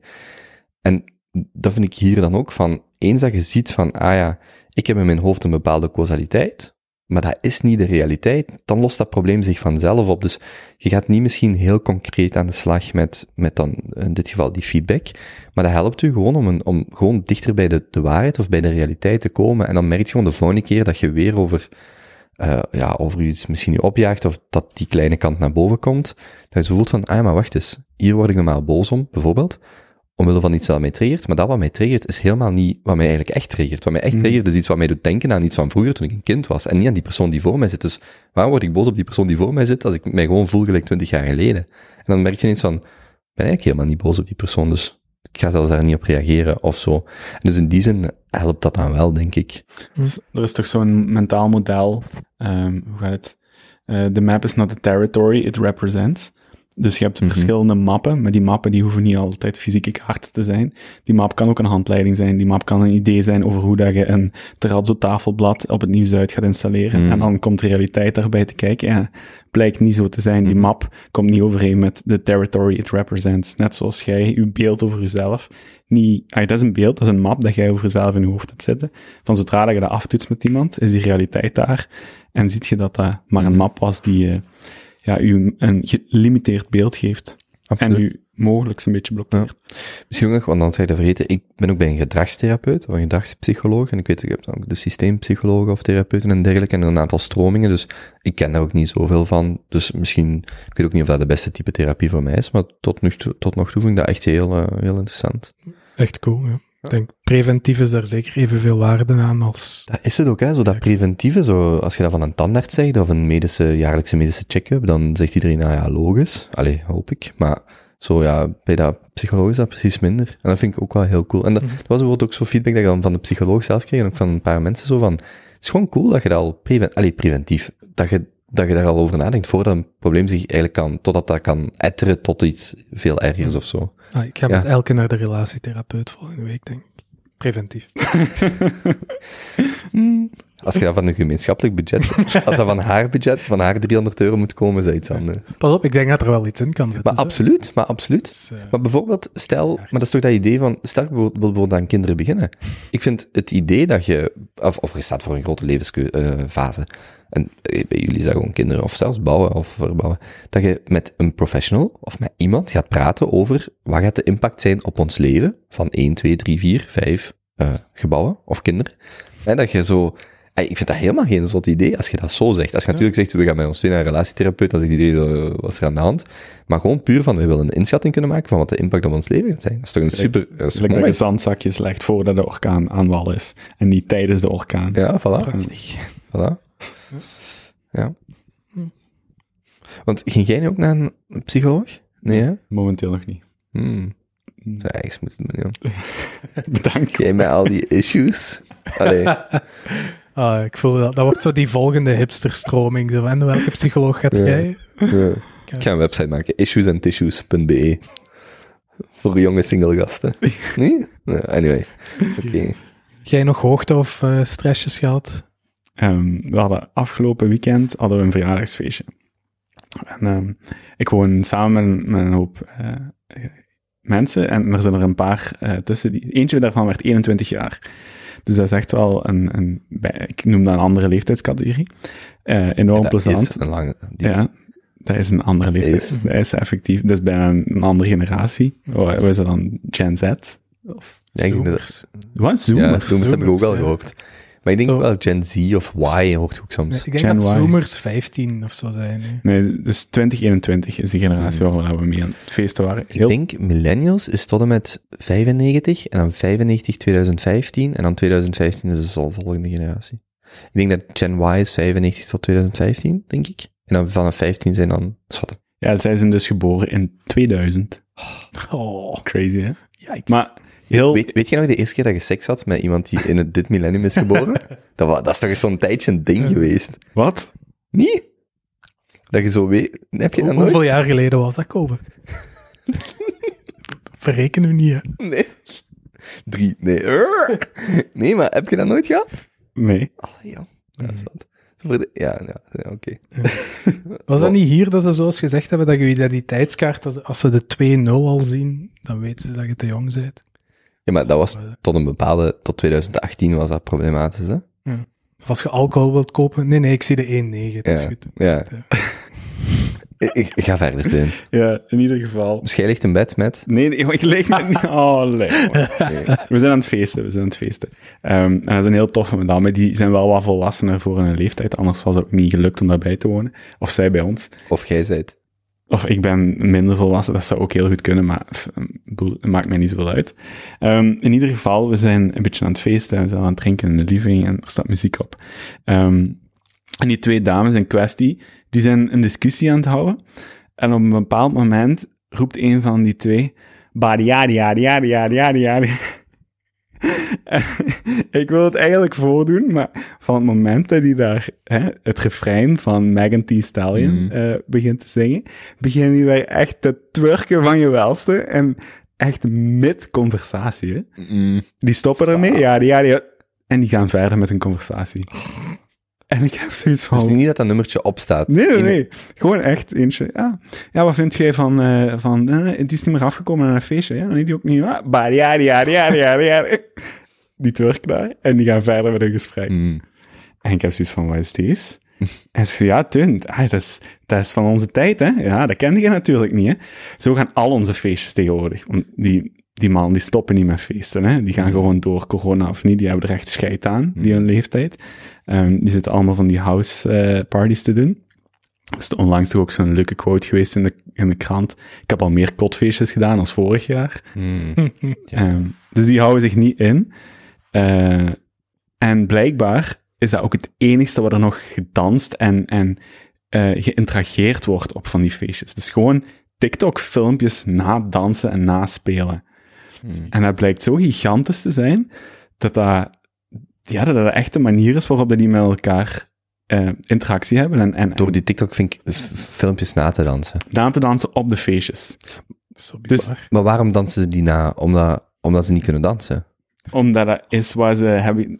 Ik denk dat het een beetje vergelijkbaar is met wij die op ons twaalfde de cha-cha slide Ik heb hem nooit. Maar die zijn toch ja. geen twaalf? Ja, nee, die zijn niet twaalf, maar dat is wel die hun leefwereld nu. Zeker Mhm. met, met, met eh, al die lockdowns. Die mannen zitten massa's op TikTok. Die kennen Ja, al die ja. liedjes van buiten. Die kennen al die Die dansmoves kennen al die van dan- TikTok. En dat is hoe die elkaar... Ja. Maar dus ook zwaar liggen schuren en, en alle obscene moves die Dus die- daarbij dus de horen. gemiddelde, of een 21-jarige vandaag die danst, als je wilt weten hoe dat die danst, moet je op TikTok kijken. De kans is groot- 21 Ja. jaar, hè? 21 jaar, ja. De kans is groot dat die danst gelijk op TikTok, want dat is de enige... Af, Nu begin ik me wel echt zoals drie oude mannen te voelen. Zo Ja, TikTok analyseren. En wel, wat kijk. doen die op feestjes? Zo is dat wel, allemaal? Allee, twerken. En dus, hè, ik was massa's geïnteresseerd en ik begin er verder uit te vragen. Buddy, yaddy, yaddy, yaddy, yaddy. En jij staat daar zo te kijken van, wat, is dit een feestje van tegenwoordig? En ik, en ik, ik begin zo verder te horen en, en ze zeggen maar, Dus wacht, als we een Junto live doen, en we zijn aan het babbelen, en er staat iemand uit het publiek om en zegt,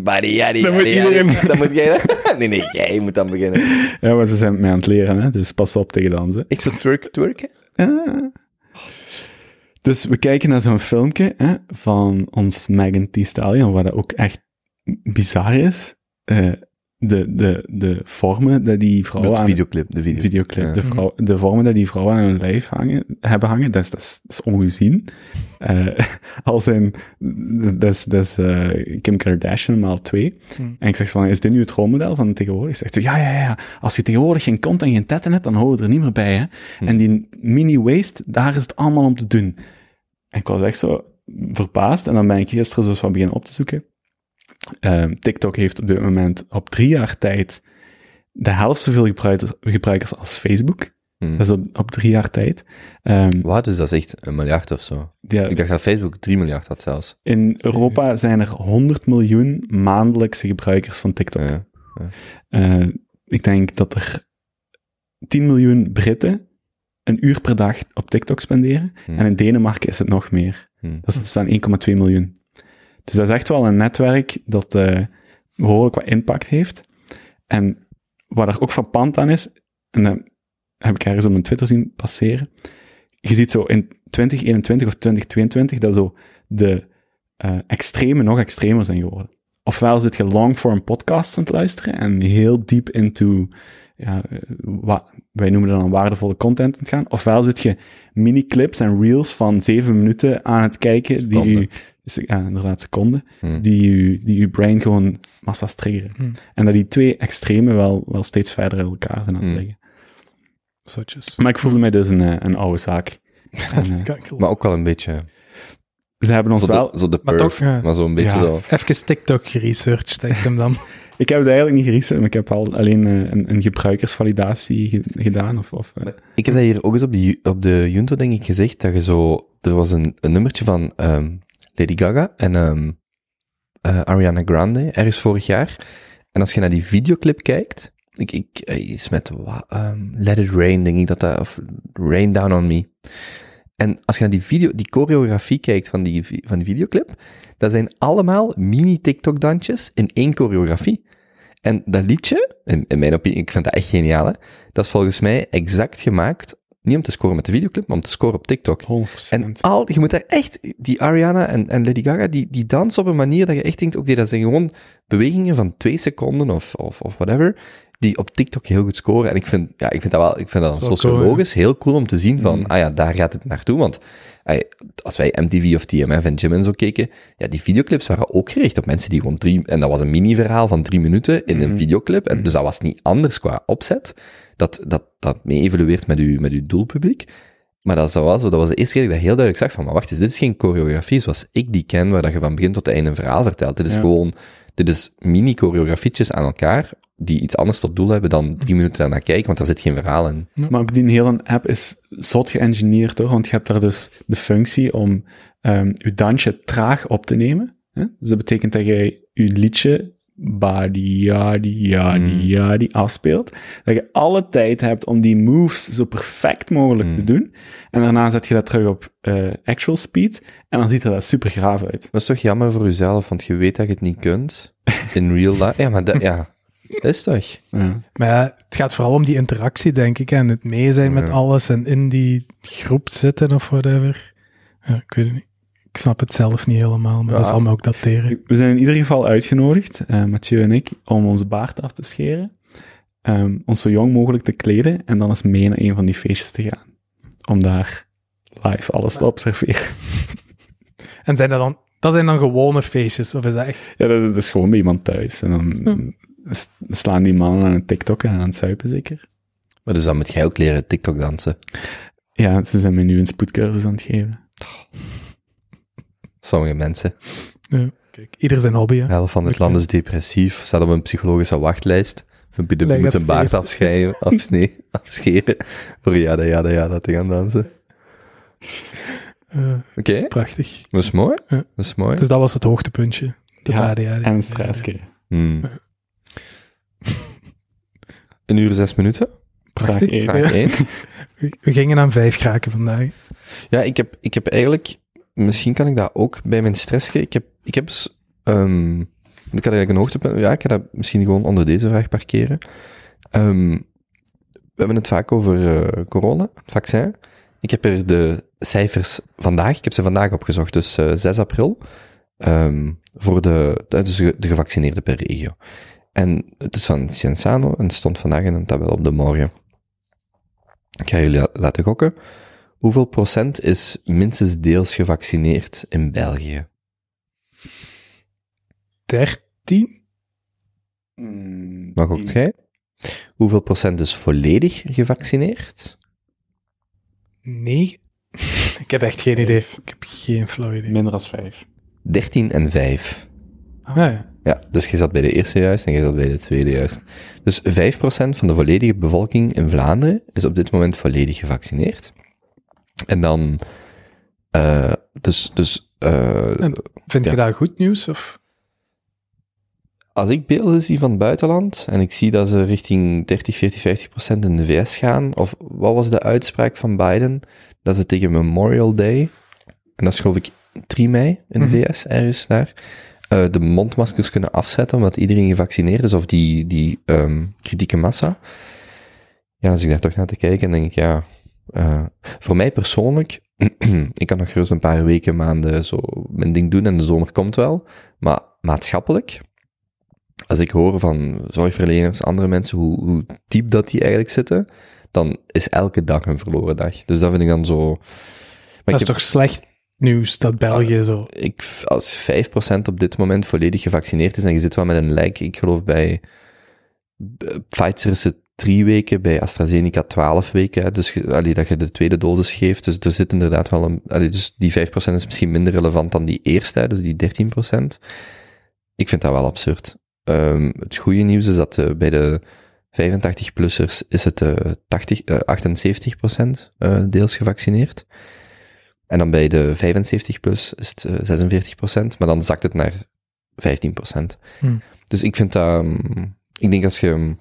triest. vanuit onze bubbel spreekt, Savan nog wel, allee dan, eh, of dan nu 13 of 23 of 33, wij gaan daar eigenlijk weinig dagelijks, eh, dagelijks leed aan- van ondervinden. Maar ik denk op maatschappelijk niveau is dat echt wel, en dat dateert Ja. de podcast ook een beetje, maar ik vond het wel eens belangrijk om zo de cijfers erbij te pakken, Mm. want ik vind het eigenlijk, hij moet weten, in de, in de, in de UK, ik heb, ik heb niet opgezocht op hoeveel dat ze zitten, maar dan gaan ze de derde doos in september administreren, en ik denk dat wij, ja, in september, wie weet aan welk percentage wij zitten. Mhm. Misschien, misschien 60, 70, misschien. Zo. Blijkbaar is de truc, voor, moest je echt gehaast zijn, ga vrijwillig gaan werken in een vaccinatiecentrum. Hm. En op het einde van de dag, wie is er nog niet gevaccineerd? En dan kun je zo'n Ah, extra dosis... eh, Ik heb een week verlof. Ik, eh, allee, misschien nu, ja, dat het op de Junto staat, gaat Ik ken, iedereen iemand, natuurlijk ik ken iemand die plaatst mensen in vaccinatiedorpen. Hmm. Hmm. Dus, want daar zijn altijd dosissen over op het einde van de dag. Zijn, zijn jullie al gevaccineerd? Nee, Ik ben nog niet gevaccineerd. geen haast. Oké. Ja, dus eh 13 procent. Gaan jullie jullie laten vaccineren? Ja. Nee, ik ook. Ik denk hoe, hoe langer, en ook nu dat zo meer en meer, ik begin hoe, ik denk hoe langer hoe meer zo van dat duidelijk ja wordt. Mhm. Ehm, ook gewoon omdat je zo naar de klinische data die, die ondertussen uitkomt en dat je echt wel ziet van, was ik vandaag voorbij komen van alle gevallen geloof ik in de VS van Pfizer, zijn er letterlijk nul mensen nog, oh, was het weer? Het was nul en in de placebo-groep zaten er 32, maar ik weet niet, was het nu overleden of was het zelfs besmetter, ehm, besmettelijk? Maar het was in ieder geval dat ik Ja. weer zo'n studie zag van, ah ja, het is echt wel extreem laag, zeker als je je tweede dosis hebt gehad. Cool. Dus ik denk wel, maar ik heb, ik heb daar ook nog geen brief of zo van gehad. Nog niks. Maar je En- gaat dat... Je bent toch helemaal geen risicogroep? Waarom zou je een brief krijgen? Nee, maar ik had toch verwacht, toen ze begonnen met de uitrol van, ik zou dan verwachten, dat ze gewoon bijna heel de bevolking een brief sturen van, kijk jongens, hè, dus afhankelijk van uw leeftijd, jij zit ongeveer rond die periode Hm. welkom, en drie weken daarvoor of zo, krijg je een brief, of een e-mail, hè, moet zelfs geen brief zijn, Hm. zodat je toch mensen een beetje hoop geeft. Ja. Dat had ik ga toch... niet nog eens de hele overheid Ja. schofferen, maar Nee, inderdaad. come on. Maar dat is toch wat ik dan zou denken. Maar zelfs lokaal, hè? Ik heb vijf dagen moeten wachten op mijn testresultaat. Ah ja, wilt je dat... Oh, jongen, maar dat was ook wel... Dat is ook wel extreem hoor, want eh, mijn Ja, vriendin ik daar is ergens iets fout gelopen. Ja, dat kan bijna. Dus op, op zaterdag krijg ik bericht dat ik in contact ben gekomen met drie mensen die positief testen na ons etentje, een week later. Dus ik ga in zelfquarantaine. Ik laat mij, ik bel naar de huisarts. Ik um, veins een klein beetje alsof ik um, symptomen had. Ik voelde me best oké, okay, maar ik had in, op donderdag wel wat koorts precies en ik voelde me wel moe. Dus het, het zou zomaar kunnen. Ze zetten mij op een, uh, een, ze geven mij een afspraak om te laten testen in het UZ Gent bij dokter Van Wacht op zaterdagavond, 6 uur. Um, Oké, okay, dus je verwacht, ja, zondag zullen die mannen niet werken, hoewel die wel werken, maar op zondag zullen die misschien geen tests processen uh, mm. tot effectieve resultaten. Dus ik, uh, ik, ik uh, ontdek dan op maandag Kozo, mm -hmm. kozo.be. Ja. ja. heel interessant voor iedereen ja, die, nog staat, niet, staan alle gegevens ja, die nog niet up-to-date is van uh, de digitale transformatie die het, het overheidssysteem heeft doorgemaakt, of ons gezondheidssysteem. Mm. Maar daar staan dus effectief al uw testresultaten en, en botbreuken en weet ik veel wat je nog allemaal hebt laten Zo afnemen. staan er allemaal op. Dus dat is uh, af en toe even confronterend. Um, je kunt die daar ook af laten halen, denk ik. Of je Hmm. kunt in ieder geval ervoor zorgen dat die gegevens niet verspreid worden. Ja, Kozo is echt een coole website. Ja, het is, dat is cool om eens te bezoeken. Inderdaad. Mm. Dat is een beetje een track record van uw, mm -hmm. van uw medische resultaten te zien. Uh, dus ik verwachtte dat het daarop zou komen op maandag. De laatste maandag, ja. 48 uur. Ja, inderdaad, 48 uur, want ik moest het werk verwittigen. Ik moest die werf gaan plaatsen op Nieuws-Uit. Dus er was best wel wat stress. Maandag geen bericht, dinsdag geen bericht, dinsdagavond bel ik naar het UZ Gent, zeg, uh, ik heb dan op zaterdag... Dat is al 72 uur na de... Ja. Ik heb mijn test laten afnemen, waar zit die ergens? Ah ja, we kunnen hier niet het systeem vinden. Maar hier is het uh, direct nummer van het labo van UZ Gent. Bel daar morgen vroeg maar in. Oké, woensdagochtend, ik bel naar het UZ Gent. En ik zeg, ja, Teun Habraken, eh, mijn resultaten, hebben jullie die toevallig? Ja, ja, ja, ik heb ze hier, ik heb ze gevonden. Ik ga ze u doorsturen, want eh, ik mag dat niet over de telefoon zeggen. Ik zeg, ja, maar kom, zeg mij maar gewoon snel rap, hè. positief of negatief, dan kan ik verder. Ja, nee, dat gaat niet, meneer. Ik ga u een eh, twee-factor authenticatie ehm, doorsturen. Ehm, en dan kan je daar je nummer... Eigen install. Mm, twee factor. Ja, dan kan je daar je nummer achterlaten, krijg je een berichtje terug en kunt je inloggen op deze website. Oké, typ een nummer in, geen bericht. Ik maak een account aan, krijg geen bevestigings-e-mail van die account. Denk ik, oh my god. Ik bel twee, drie keer terug naar de labo in Gent. Kom jongens, ik ga u geen proces ge- aan uw broek klappen. Zeg mij gewoon rap, hoe is mijn resultaat? Dan kan ik verder. Nee meneer, dat zal echt niet gaan. Je zult ehm, fysiek naar hier moeten rijden. En dan geef ik u een, geef ik u een, een print-out van uw resultaat. Ik zeg, mevrouw... Dit is woensdagmiddag. ja, het is woensdagmiddag. Jeez. Iedereen op het werk was al massas ongerust, want ja, ik spreek met sales, met atelier, met iedereen. Ehm, gelukkig, hè, krijg je naar het UZ Gent, krijg ik daar mijn papiertje. En dat staat er ook nooit zo altijd heel duidelijk op. Er staat gewoon eh, eh, NRA van SARS-CoV-2 is, en dan staat er zo afwezig. Er staat niet gewoon heel duidelijk positief, negatief, afwezig. Dus afwezig, oké, er zal niks zijn. Hmm. Eh, en dan op woensdag had ik eindelijk eh, mijn resultaat. Maar heel die Ik heb wel eens lijden. negatief opgestaan. Maar inderdaad, dan is dat nog zo van... Ik wil zeker zijn dat het echt... Is het echt negatief? Ja. Wat bedoelt je hier nu exact? Ja. Ja. Dus als je dan positief waart geweest, zit je helemaal naar daar geweest, alles daar aangeraakt. ah ja, een klucht. Oh ja, als je zo na vijf dagen positief zit, dan hoest je daar door de boel onder. Nee, nee. Nee, dat is ja. was wel bedrijvigheid in de labo. Dat Ja, maar was dat echt... wel, die, die mensen Waar die... was Dat is het is kleinste compliment dat je aan de hele Belgische overheid kunt geven. Er was Maar bedrijf. ik geloof wel dat er echt heel veel mensen zijn die keihard werken, maar dan Ja. inderdaad hoe dat die systemen... Maar ja, goed. Ja. Ja. Triestig. Oké, vraag 2. Uit. Heb je recent een noemenswaardig essay, boek of podcast gelezen of gehoord dat je opmerkelijk of geschikt vindt om aan de junto te communiceren ingaande moraliteit, business, natuurkunde of andere delen van de algemene kennis? Ehm, Ja, er is zo eentje dat wel... Dat komt precies zo ieder jaar, op de een of andere manier komt dat wel eens terug. En nu ben ik aan het Ik denk dat het misschien wel eens aan bod is gekomen bij de Junto, maar dat is al een jaar of twee jaar geleden. Ik denk dat we allemaal Sam Harris wel kennen. Is ook een bekende podcaster. Eh, ik denk dat dat ook de eerste podcast was waar ik naar luisterde. Maar behalve podcaster was hij vroeger ook eh, neurowetenschapper of neuroscientist. En een van zijn bekendere boekjes slash pamfletten of essays is free will. Dus of dat je effectief vrije wil hebt of niet.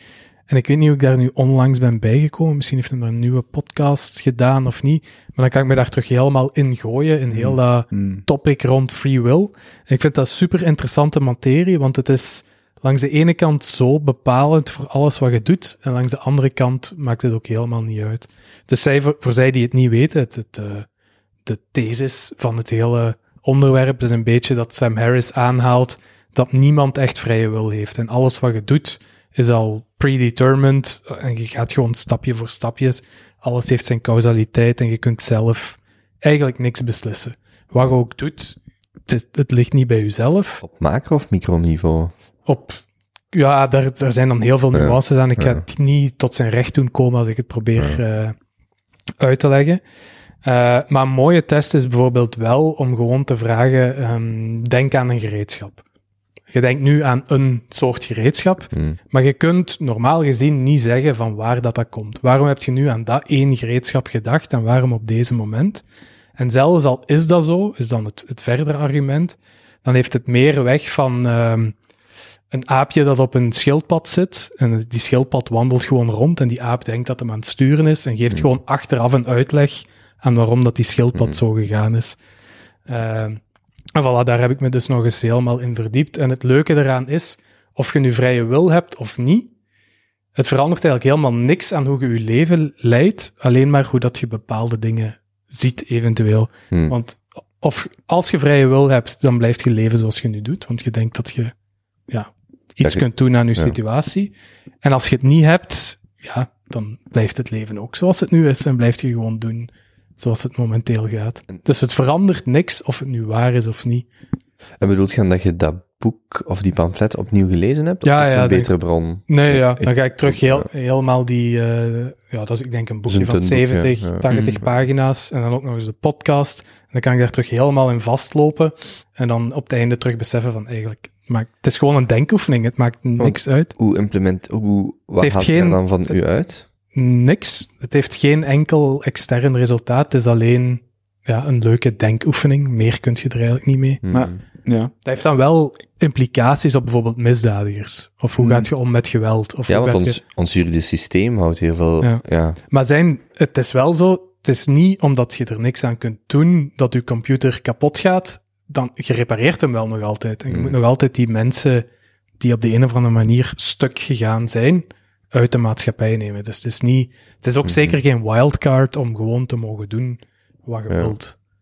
ik heb hem de laatste maanden ook wel, wel liggen beluisteren. Ehm, De, de podcast? ja, hij heeft het op de Waking Up app staan.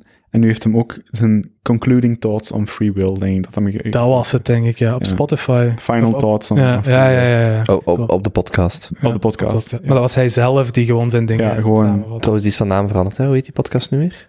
Het is niet meer Waking Up, Making Sense. Making Making sense. Ja, oké. Maar ehm, ik haalde er wel iets anders uit, want het is inderdaad zo, hè, eh, eh, uw microbioom, uw genetica, uw, het land waarin dat je toevallig geboren bent, bepaalt zoveel van alle opties die je hebt, want je kunt niet kiezen uit het eh, oneindige scala aan opties die er op de wereld is, want er zijn er maar gestart met een bepaalde set waar je uit kunt kiezen. Hè, Dus, dus inderdaad, totale free will bestaat niet.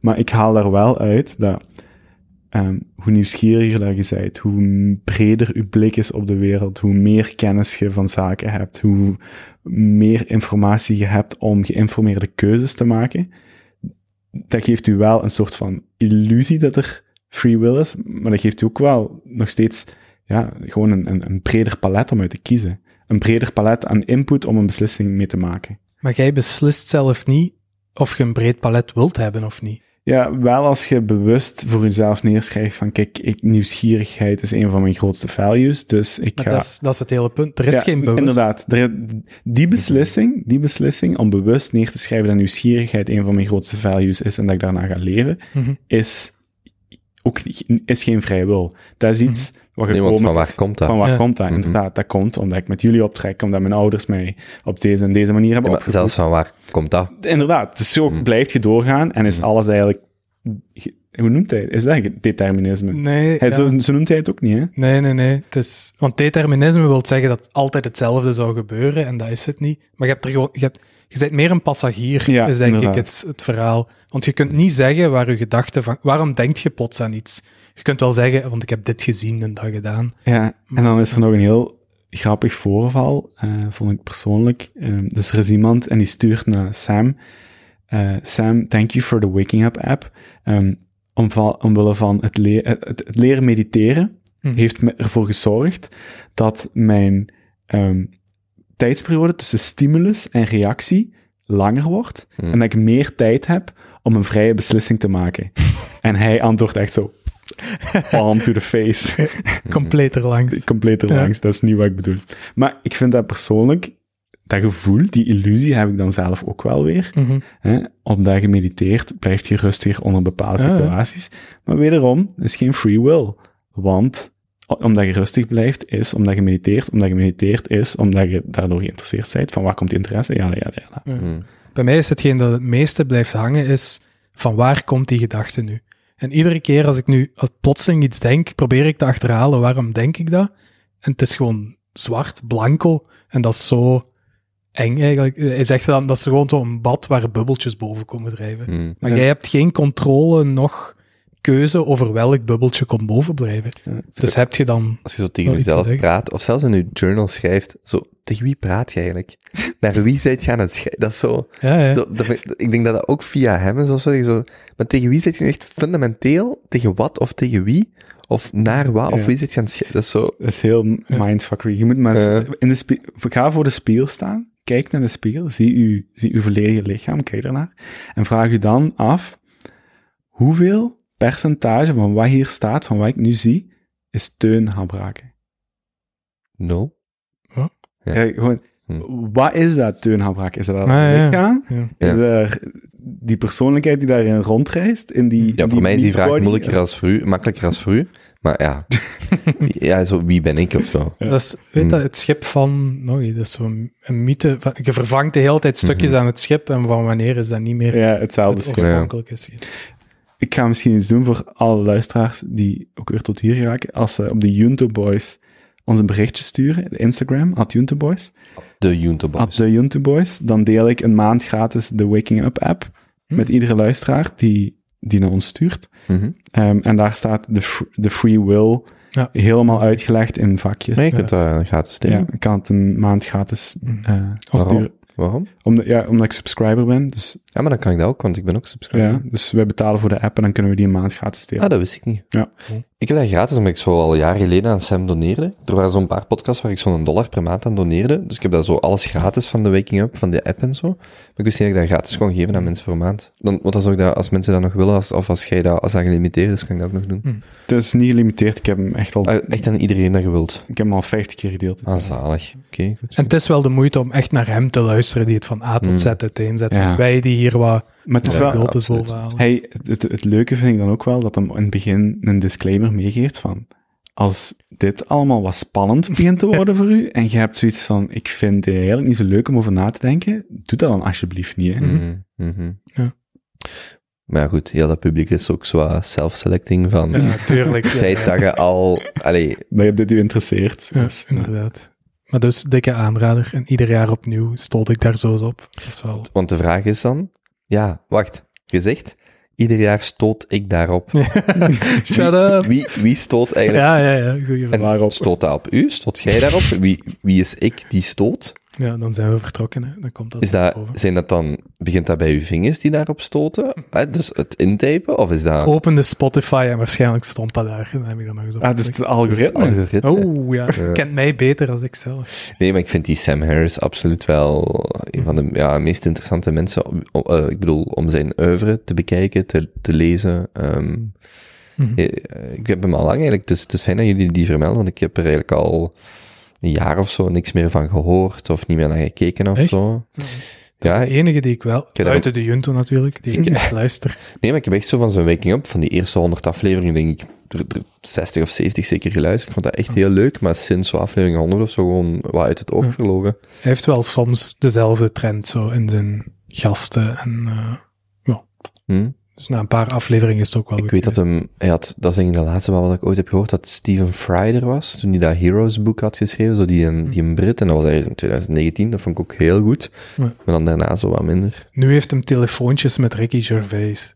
Dat is zo goed. Is dat, Ja? ja, maar die Sam Harris, Ricky? Ja. die is ook grappig, hè? Ja, ja, maar, Maar die Ricky niveau- belt die dan met zo dwaze vragen en Sam spendeert dan een half uur aan uit te leggen wat dat de Ricky vraagt. Ja. Dat is echt hilarisch. Dan belt hij vanuit bad of zo. Echt goed. Zalig. Duurt Moet ook maar een half uurtje dan. Maar die hebben elkaar ook echt serieus... Die eerste babbel was ook niet in person, dat die elkaar hebben Denk ontmoet. Maar die Ricky is ook echt een slimme Ja, kerel, ja. jongen. Die kan Ja. echt dingen goed uitleggen. Die praten toch ook heel veel over Dingske, die overleden is. Ik heb zijn boek hier liggen. Van, ehm, ehm, ik weet wie je bedoelt. ja, ja, ehm, Nee. Die aan kanker overleden. Letters, Letters to Young Contrarian is, is een boekje wat ik iedereen aanraad. Ehm, fuck. Ja, Ja, dat is wat Een geen... hele bekende. ik kom er ook niet op. In ieder geval, die, hoe dat Sam Harris daarover praat. En anderen dan denk ik echt, amai, die had ik wel, wel wat meer... Stel je voor dat... die- Hitchens. Christopher ja, Hitchens. Christopher Hitchens. Jesus. In de, in de tijd van podcast, stel je voor dat... Dat vind ik trouwens... Soms wordt je zo van, er zijn zoveel podcasts, wordt zoveel gepraat, bla bla bla. Dan denk ik, hoe zalig zou het zijn, hadden we podcasts al honderd jaar geleden, dat we gewoon zo een Einstein kunnen beluisteren die zegt, ik heb iets geschreven, ik weet niet of dat echt interessant is, ik ga dat gewoon submitten. Ik was even met mijn maten, mijn maten vinden dat maar niks, maar ik ga dat gewoon...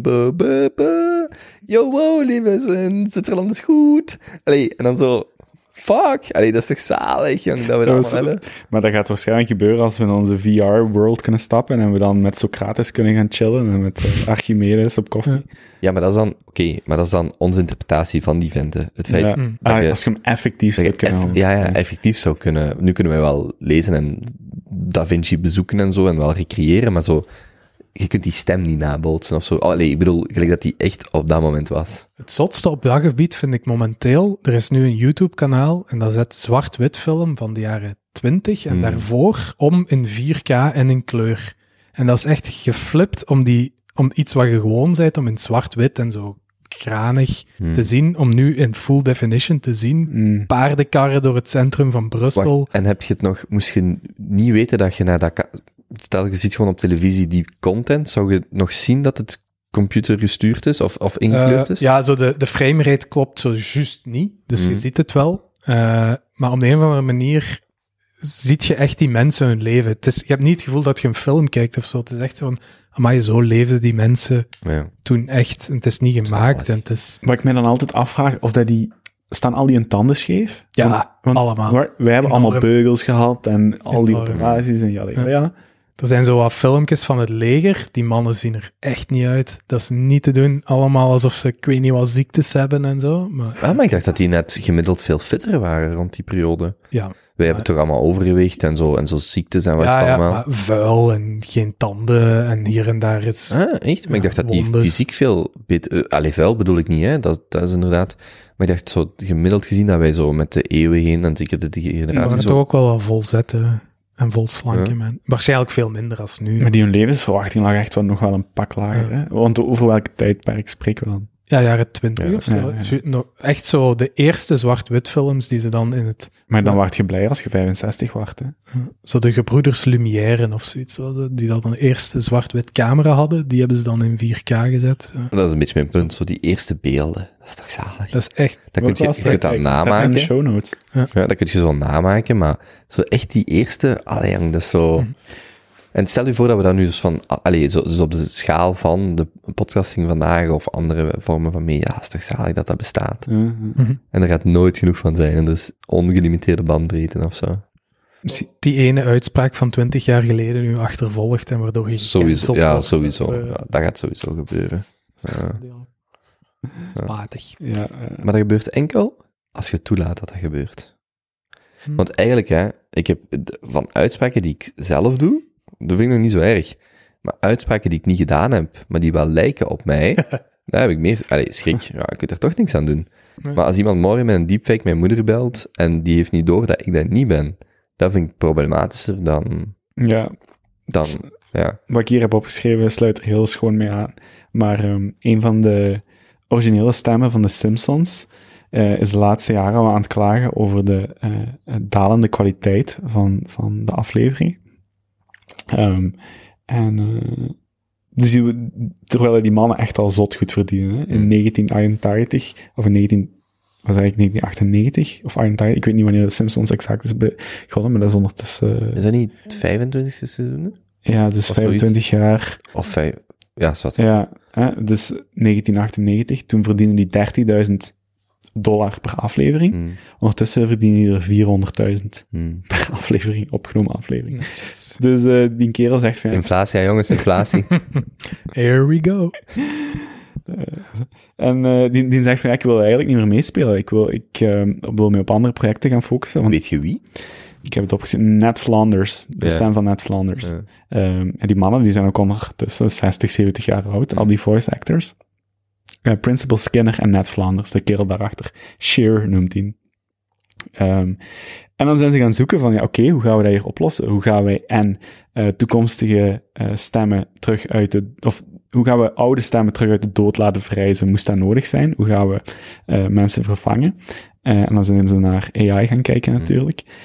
En een, een paar jaren terug had je nog een 30 tot, tot 50 uren aan gesproken materiaal nodig om eigenlijk een bot te trainen. Terwijl dat vandaag de dag al gaat op 20 heel specifieke zinnen, Hmm. die dan alle klanken en fonetische eh, ja, klanken. Zalig, dus met die 20 klanken of zinnen dekt je misschien 90, 95 procent van het spectrum. Ja, effectief. En ze hebben daar zelfs een, ze hebben zelfs ene zin. Als je die zin goed kunt uitspreken, dan heb je eigenlijk alle klanken die je nodig hebt om een volledige eh, deepfake eh, voice te maken. En ze noemen dat een, een phonetic pangram. Pen- P-E-N-N. Ja, pangram.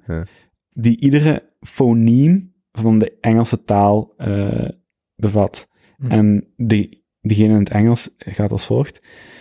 The beige, the, be- the beige hue on the waters of the loch impressed all, including the French queen, before she heard that symphony again, just as young Arthur wanted. Dus daar zitten blijkbaar alle fonetische Mhm. klanken in die je nodig hebt, ehm, waar je mee aan de slag kunt. Mhm. Maar ze zeggen wel van, we kunnen nooit dezelfde energie en emoties in die, in die bot steken als bijvoorbeeld een goede Nee, voice actor. maar je kunt duizend simulaties runnen en je kunt dan de beste drie eruit kiezen of zo. Ja. Volgende Duizend po- energieën. Volgende podcast, AI Teun. ja, als je de zin... Ja. Teun AI-braken. AI-braken. ja.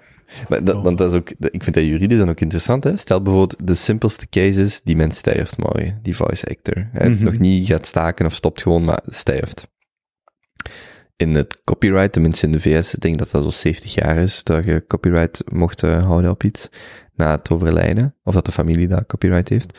Maar ja, bij een stem, ik denk dat dat onder diezelfde wet, ik zou verwachten dat dat daaronder valt, want als die, wel, hier is misschien nog iets anders, want in principe zou je kunnen zeggen, we gaan, nee, nee, nee. Wat ik in mijn hoofd had, hier is misschien anders, want hij heeft 30 jaar, of hoe lang dat de Simpsons ook draait, zijn stem verleend, maar heeft daar, houdt daar zijn auteursrecht op. Maar dat is zelfs niet waar, want hier gaat je eigenlijk nieuwe content maken, gebaseerd, dus je maakt een afgeleid product. Mhm. Maar dan is juridisch ook heel interessant, ja, maar bij wie liggen nu net die rechten op die stem? Want misschien is zijn contract van hè, die stem, je wordt er per aflevering voor betaald. Al dan nog met een percentage van royalties of zo. Maar de deal is voor die 30 jaar, of totdat jij overlijdt. Maar alles daarna, ja, wij gebruiken gewoon de, wij, wij gaan een, een softwareprogramma laten Mhm. draaien, dan gaan we niet meer betalen. Maar ja, waar zit daar zo de, de, de copyright issue? Dat lijkt mij heel interessant, want ook, ja, en ook gewoon het emotioneel, hè? Het, het feit dat iemand, stel dat dat uw vader is, die is overleden en je hoort die zijn stem nog opduiken, want nu is dat de Simpsons en dat is Mm. nog schattig, maar in allerlei politieke campagnes en weet ik veel wat, ja maar, dat kan zomaar, hè, dat Ja. we ineens de stem van Mohammed Ali morgen over over 2024 in een presidentscampagne van eh, Joe Biden horen. Zo van, ja maar, wacht eens, als dat een hologram van Tupac is, tien jaar geleden, weet je nog, dat hij zo Ja. ineens een hologram op zo'n festival zegt iedereen, wow, maar wacht eens dat dat zelfs een hologram is van Ali, die bij Joe Biden op een verkiezingsrally is. Zo, waar ligt dan zo die grens van hoe ver je... Dat gaat heel vaag worden. Ik vind dat, ja, ik vind dat wel cool. Ja. ja. Oké. Had jij nog... eh ah, ja. ah ja, Free Will. dat, dat was juist de brug tussen jullie twee. Is het kanaal Ham Saris. Sarah, ja. Heb je dat nooit gehoord? Nee. Oh, dat ah, dat je- hij tegen zichzelf... Ja, dat ze dus Ja, ja. AI hebben losgelaten op Ja, zijn ja. audio library. Is, was hij niet gewoon verknipt? Ja, maakt niet uit. Ik, zo klonk het wel. Ja. Maar ik dacht echt dat ze dat wel getraind hadden. Maar ja, inderdaad. Ik dacht niet, ik, ik- als ik het goed herinner, was dat niet manueel geknipt, maar was dat, Hm. maar het klonk wel zo een beetje. Inderdaad. Ja, ik had daar van Dat die per- percentages eigenlijk hierbij gezet. Ja. Jordan Peterson tegen Peter Jordanson. Ja. Dat is ook wel echt... Ja, ik blijf, ik blijf daar vinden. Zo internetcultuur, dat is echt, eh ik lach me kapot. Ja, Ehm, lach. ehm, vraag 3. Welk nieuw verhaal heb je recent horen vertellen dat goed is om aan te brengen in een conversatie? Hm. Ja, ik volg alles wel graag wat mij Siam, Siam El Kouakibi of Kou... Ah, wacht, er zijn twee manieren om het uit te spreken. El Kouakibi en El Kouakibi, denk ik. Volg, volgen jullie dat überhaupt? Ik heb geen idee. Maar dat, is die politieker die daar, geen idee wie dat die, daar die keukens heeft TV. geplaatst met op, met, op subsidies. Of... Wacht, jij hebt echt oprecht geen idee wie dat, dat is? Ik kijk geen tv en ik lees geen krant. Als het, als het niet Heerlijk, op Ik ben YouTube eigenlijk een beetje... Ik ben oprecht een beetje jaloers. Ja, ja. Hoeveel tijd en moeite en, en, en Ja, gezonde niks interessant. neuronen ik daar al aan gespendeerd heb. en jij weet gewoon oprecht niet wie dat die is. Ik heb geen flauw idee. Je zit altijd een beetje te stoeven met dat je geen internet hebt, maar eigenlijk is dat gewoon het zelfbescherming, toch? Absoluut. Stel je voor, dat, weet je hoeveel tijd je kunt verliezen op het internet? Ja. Allee, case in point, Siam El Kouakibi, want er is nog geen uitspraak. Maar dus er is een, ehm een Antwerpse, ik denk ook dat ze echt van Antwerpen, Antwerp is, ehm sociaal onderneemster, Hmm. die eh, Let's Go Urban heeft opgericht. Dat is een zaak waarmee, of een, of een initiatief, waarmee dat ze aan de hand van dans en allerlei eigenlijk eh, fysieke eh, projecten, maar vooral dans, ehm eh, kansarme jongeren en aan jongeren van, heeft samengebracht in Antwerpen. Die heeft daar heel veel subsidies van gekregen, van de stad Antwerpen, de Vlaamse overheid, Brussel, blij, en dan is die, dus dat, dat is ongeveer 7, 7, 8 jaar geweest. 2019 stapt hij de politiek in voor Open VLD. En ehm doet daar zo haar, haar eigen parcours een beetje. Komt een aantal keer in de media omdat ze niet meestemt met de partijlijn. Zeker over zo de, de um, hoe heet dat weer, de praktijktesten. Hm. En ergens begin dit jaar of zo komt zo naar buiten dat zij, dat de Open VLD haar 50.000 euro heeft betaald op haar privévennootschap, allee, op haar vennootschap, om in de politiek te starten, stappen. En dat was wel een beetje controversieel voor veel Open VLD-leden vooral, die zoiets hebben van, ja, maar wij zijn al jarenlang lokale mandatarissen, wij zetten ons vrijwillig in, en dan haalt eigenlijk iemand binnen de partij die je 50.000 euro betaalt, daarbovenop nog een aantal andere dingen, om die in de politiek te krijgen. Dus dat was al een beetje zo, binnen de politiek al zo wat, hm, oké, waarom zo'n hoog bedrag? Maar dat was eigenlijk nooit echt het probleem, want hè, wat jij onderling overeenkomt is je eigen zaak. Mhm. Het feit dat dat belastinggeld is, ligt wel gevoelig, maar, hè, want dat is van de partijen. Maar ja, goed.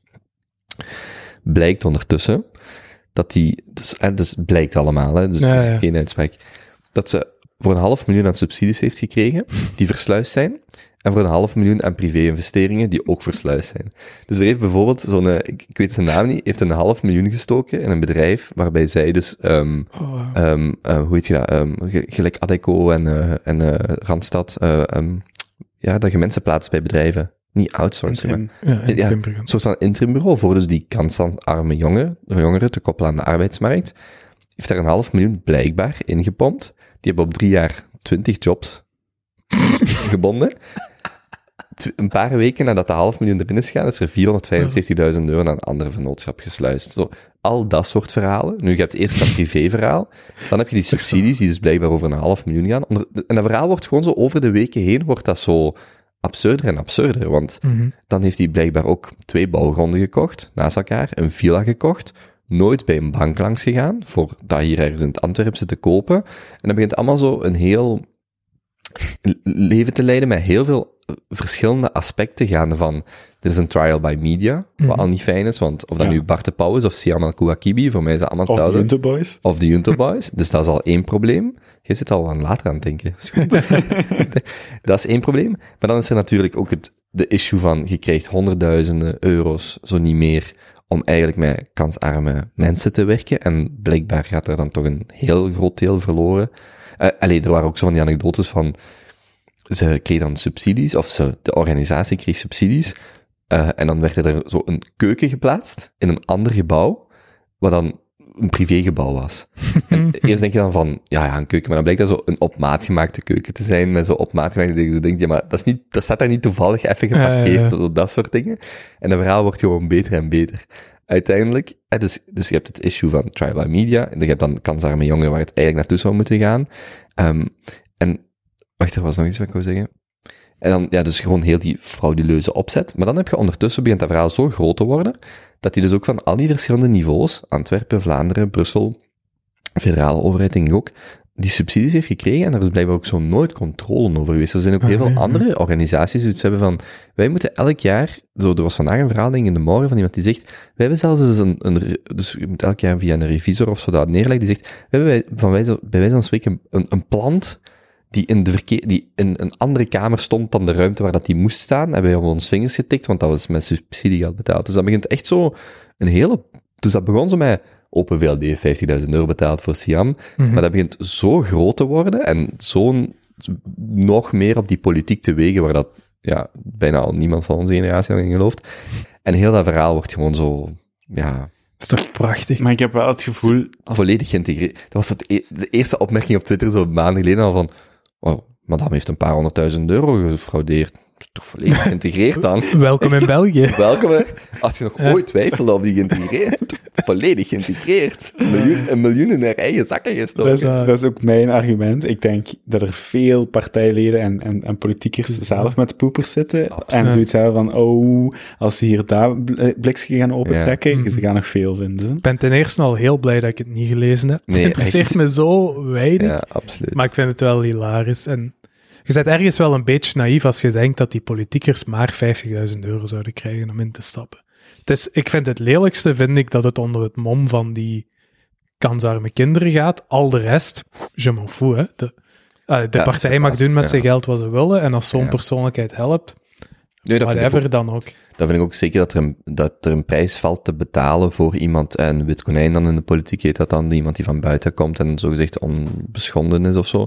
Daar heb ik nog begrip voor. En inderdaad, dan moet je maar met je eigen partij regelen wat dat daar de hoogte van het bedrag is. Of dat 10, 50, 10 miljoen is, dat maakt eigenlijk niet uit. Maar dat het ook zo die grootte heeft, want in de, dus dat verhaal is naar buiten gekomen, denk twee maanden geleden, dat zo de Antwerpse eh, Kamer van, ah, hoe heet het weer, de rechter van koophandel, heeft daar een, eh, een voorlopig bewindvoerder in haar VZW gezet. En dat is wel vrij, al- allee, dan moet er moeten er al serieuze feiten zijn, omdat er een aantal eh, leden van de raad van bestuur daar eh, die klacht hebben in- neergelegd. Mhm. Dat was al vrij serieus, maar dan ging dat inderdaad over zo, ja, 50.000 euro van de Open VLD en zo voor 300.000 euro, zo wel wat onder, onregelmatige boekhouding. Want ondertussen lijkt dat zo een miljoen te zijn met een paar villa's en dan zo dat soort dingen. Binnen Dus- de politiek, Savan. Die subsidies, dat vind ik al erger. Maar langs de andere kant gaan we weer mensen Ja. die van niks weten, die geld uitgeven dat niet van hun is. Ja, allee, Ja. wat verwacht je nu eigenlijk van... Ja, Ik denk als je... Ja, bon. als, als er op subsidiegeld pak 50% terug de economie in stroomt, dan zijn we heel goed bezig. 20% dan zijn we al content. Ah, dat is een... voor de subsidies die ik gezien heb en waar het naartoe gaat, ja, het gebruikt wordt, Idem. dat is een klucht. Dat Dat is één grote dat is ook, klucht. ik denk heel dat ze, ja, maar ja, goed, dat is ook zo'n onderwerp, daar gaat waarschijnlijk niks aan veranderen. Nee, nee, tuurlijk. En, en dat is zo, Het mooie is, iedereen kan ervan gebruik maken als je een ja, bedrijf hebt. iedereen moet dat ook betalen, hè? Ja, ja, ja, tuurlijk. Dat is zo. Sorry. Maar waar, ja, Ja. het loont om kleine zelfstandigen te zijn in België soms. In sommige Ja, gebieden. En dan effectief al die subsidies te gaan En- kijken. ja. Wat zijn de regels? Absoluut. Hoe kan ik juist binnen Ja. de regels vallen? Wat moet ik aanpassen? Ja, maar ik kan, die als ik, als ik, ik ga toch dat ideetje van die anonieme bellers lanceren op Ja. de podcast. Dat, je kunt er 20.000 euro subsidie voor krijgen, hè? Ja, ja, Vind je, vind je dat nog, Ja. vind je dat normaal? De tweede die je aanneemt is uw CFO. Ja, de- Ja, maar ik vind dat, allee, en, Er is een reden waarom dat we Jozef er altijd bij hebben. ja, maar ik vind dat, als je daar zo, en ik begrijp dat je ergens zegt van, oké, als we daar recht op hebben, dan gaan we dat aanvragen, maar dat moet ook, dat moet wel allemaal betaald worden, hè? en dat is 20.000 euro die je wegtaxeert bij mensen voor dan een podcastje te maken waar dat je tien afleveringen maakt en dat is het. Ja, Inderdaad, dat- cultuursubsidies. Waar, waar zijn we mee bezig? Dat heeft dan wel die een kleine zelfstandige even een boost gegeven. Dat zorgt ervoor dat hij iemand extra kan aannemen. Ja, maar dat, zorgt ervoor dat is wel weggetaxeerd bij al die andere mensen die dat niet meer kunnen. eh, Die kleine zelfstandige doet dat op kosten van die 100.000 mensen of die 20.000 mensen waar 1 euro is getaxeerd, hè, die ze niet zelf aan 20.000 andere zelfstandigen konden geven. Hè. Ja, maar een van die 100.000 mensen werkt misschien bij een zelfstandige. Ja, maar dat is toch nog iets anders? En de subsidies doen wat ze moeten doen. Hè. De kleine zelfstandigen helpen. Ja, maar ten koste van al die andere mensen. Ja, dat is waar. Maar dus het, de boodschap van de overheid is, wordt allemaal kleine zelfstandigen. Ja, of, of... En dan is er nog een probleem, het feit dat je... En nog een ander losstaand feit is het feit dat je ervan uitgaat dat je hulp nodig hebt van de overheid om je, je project te lanceren. Dat is ook zo... Daar gaat je Ja. toch al van uit, zo van, ah ja, hier zal wel een subsidie van, voor zijn. Zo van, maar Ja. nee, er is een markt. En als er geen markt is, dan moet je misschien eens je subsidie in vraag stellen. Of als, zon, als zonder subsidie het niet kan Dus bestaan. De cultuursector.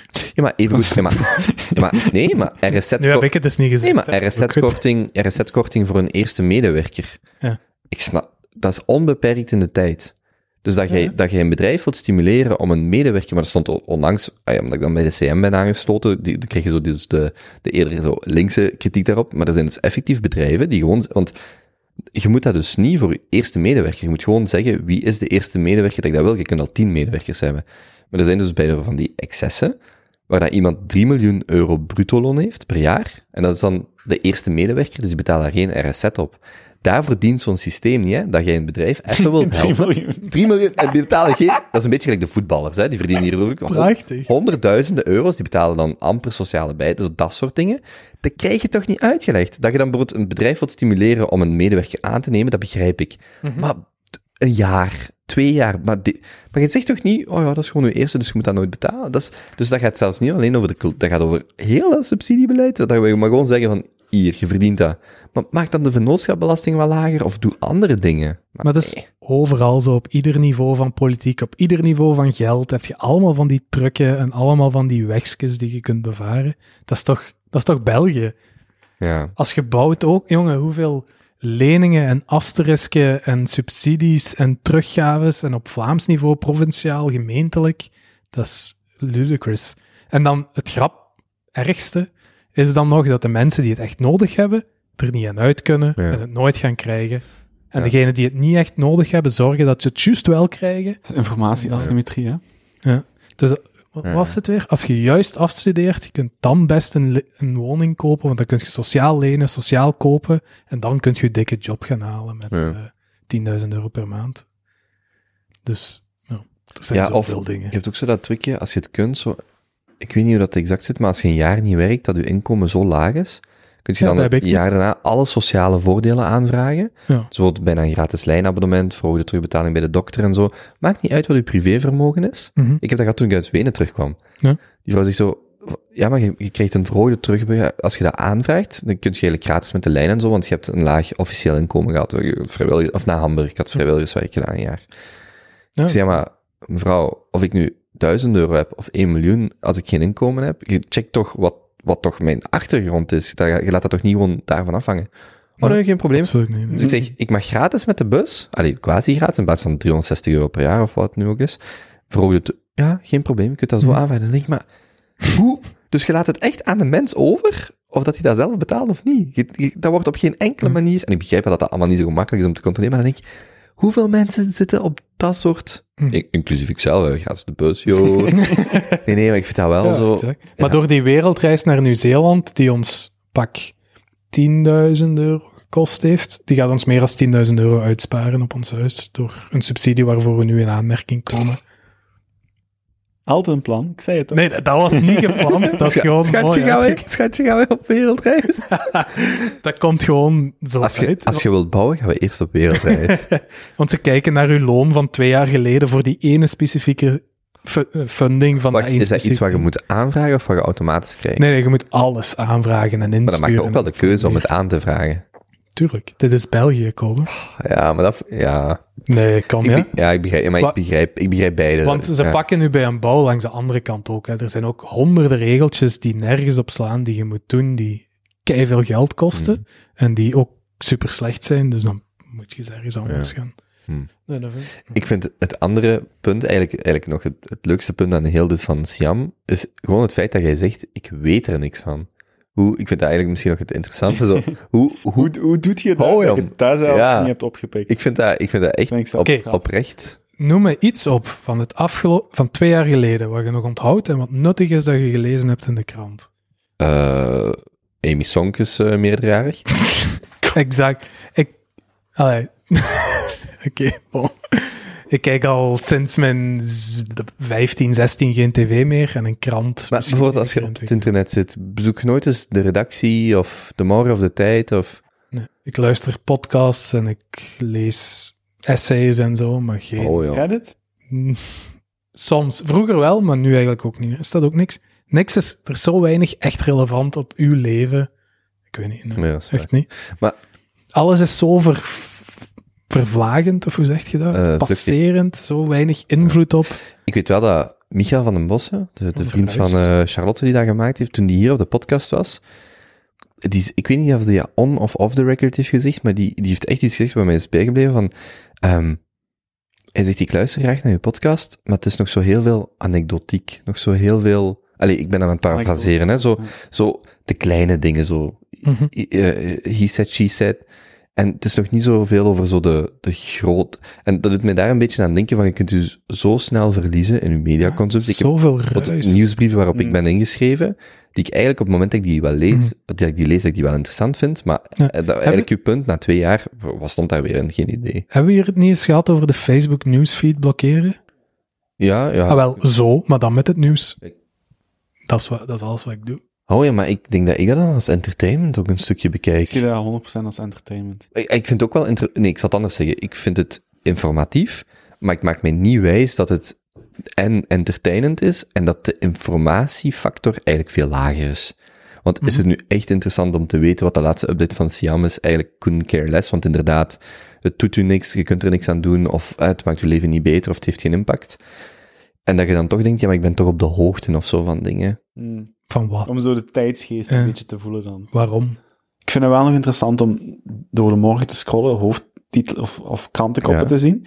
En dan u bewust af te vragen, in welk artikel ga ik nu op zijn minst een- iets interessants terugvinden als ik daarop klik. Want die, Mhm.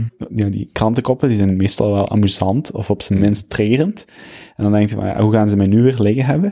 En dan zoek je naar het artikel van hier zal ik nog wel iets onder vinden. Klik. Mm. Maar je, hebt dat, je bezoekt dat dus gewoon nooit. Dus het beste wat ik mezelf heb afgeleerd in de afgelopen jaren is geen Instagram, geen Twitter, geen Facebook, geen nieuws, geen tv, geen kranten, geen tijdschriften, Oh, ja. geen... Niks. Nee, ik heb niks gemist. Ah, oké, dit heb ik Ja, nee, nee, nee. Je gemist. hebt effectief niks gemist. Niks gemist. En ik had het daar nog over met Elke gisteren. Mijn vrije tijd is leren hoe ik houtskeletbouw moet zetten, dingen uitzoeken over huissubsidies, over dat soort zaken. Dat klinkt misschien niet even entertainend, maar ja. is dat dan beter als Hey, wij... voor, voor zijn wereldreis. Verzekeringspolissen, waar dan al dan niet onder de reisbijstand viel. Die heeft daar zo'n avond over verteld. Ik, zo, ik Ja. ken niemand die meer weet ondertussen van verzekeringspolissen. Ja, maar je- Zo Maar schat, vanaf dat je dat ziet als schatje, entertainment... schatje, niet harder fietsen dan 31 km per uur. Want dat, is een, dat is een extreme sport hier in Nieuw-Zeeland. Ja. Ja, maar nee, allemaal uh, oprecht, oprecht. maar je houdt wel eens van een goede rabbit hole, hè? Ja, ja, dat wel. Dat vind ik heel leuk. En heel interessant. Ik, ik kan ook gewoon niet meer lezen, al die artikels. Ik denk gewoon direct, Maar ja, zalig, waarom lees ik dit? Wat voor impact heeft dat? Waarom... Maar hoe, hoe, care. hoe blijf je up-to-date van... Ik ben niet up-to-date. Ik weet van Nee, maar, niks. maar ook binnen uw werk. Bij u, ja, dat is Ja, wat ik wou uw vragen. werk. Ja, dat is wel... dan- State of the dat art valt dan van- weer van, van- wat onder entertainment, mensen die ik volg, hè, zo die Oké, maar ja, waar volgt je dan? YouTube-kanalen. YouTube-kanalen, podcasts? Lex Friedman, Ja. Oké, maar die dan, gasten. dan is Twitter toch nog heel... Nope. Nee, want dat is weer te klein, long-form. bl- Ja, ja. Tegenwoordig vind ik die Ja. threads op Twitter wel goed, hoor. Ja, Ja, ja, maar, maar, maar weet je wat heel het ding is, en dat vind ik wel ferm, of dat interessant aan wat hij zegt, dat is interessant, want ik zit zelf ook op Twitter en actiever nu dan, Mm. dan ooit Ik ervoor, maar, en, en ook bewust ergens voor, want ik wil daar actief op zijn, maar de opportuniteitskost ja. is, die zien we niet, en dat is bij mij, ik, ik denk als je voor al die dingen is echt berekent van wat is nu de waarde en de opportuniteitskost, Mhm. dat je daar vanzelf mee stopt. Eh, Soms zit ik ook op bizarre YouTube-filmpjes. hè, waar Ik denk, hoe ben ik hier geraakt? Maar Blood, blood Theory Ja. type in Ja, Japan. ja, ja, ja. Wie, wie, wie had dat filmpje gezien? Nee. Eh, maar er is nooit een vast moment dat ik bij veel mensen wel zie, waar je leert 's morgens de krant, je kijkt 's avonds het nieuws, je kijkt dan nog een uur Netflix en dan nog een uur, weet ik veel. Ik heb, kijk ook geen Netflix meer, dat is ook gestopt. Mm. Maar gelijk zo films en documentaires en zeker series, dat komt er bij mij moeilijk in. Ik zal nog films wel herbekijken omdat ik die leuk Mhm. vind, maar zo echt nieuw, nieuw, heel Ja. weinig. Maar Films wel nog, maar dat is ook weer, dat is fixed, dat is een verhaal, dat, is Ja. niet, dat, dat wordt niet expres gerekt, expres ver... ja. dumpt je niet zo plots 64 uur in. Nee, ja, Zeg, en- voilà, ja. Hoe, hoe zit je daar dan mee begonnen of zo? Dat is begonnen met Facebook. Gewoon, dat is zo die periode geweest dat de, Facebook is echt bagger geworden. Ik weet niet, 2012 of zo, 2011.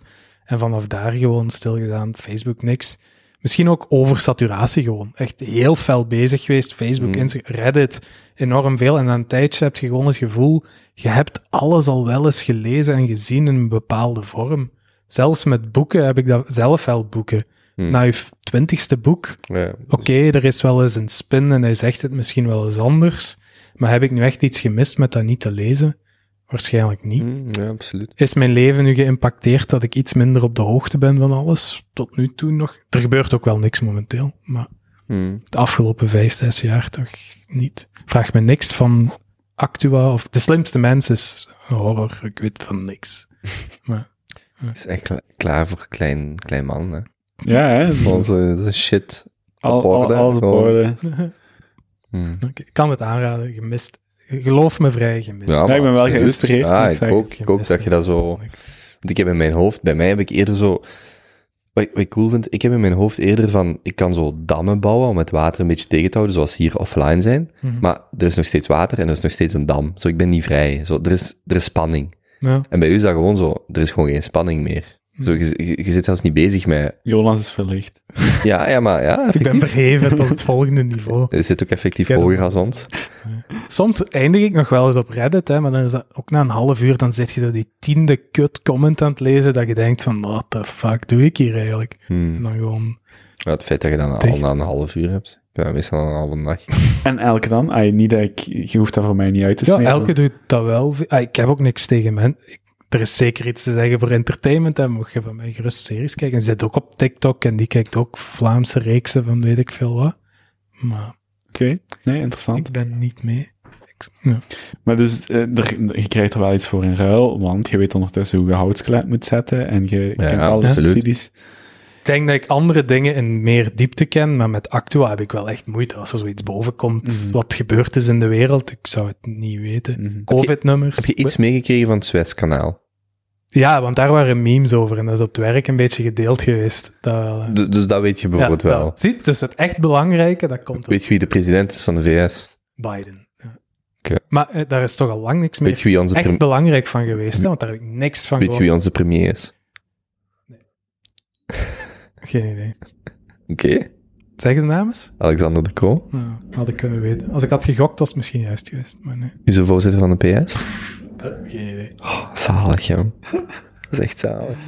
Maar, maar, eh, ja, als, pas op, als het verkiezingen wordt, dan lees ik me wel een beetje in. Hè, Ja, ja, want dat is maar- het ook, hè. Het is ook niet dat je het uit eh, ignorance, uit... ehm, Nee, nee. Als er echt iets van Ja. afhangt, wel. Maar het- als ik nu het gevoel had dat je zo...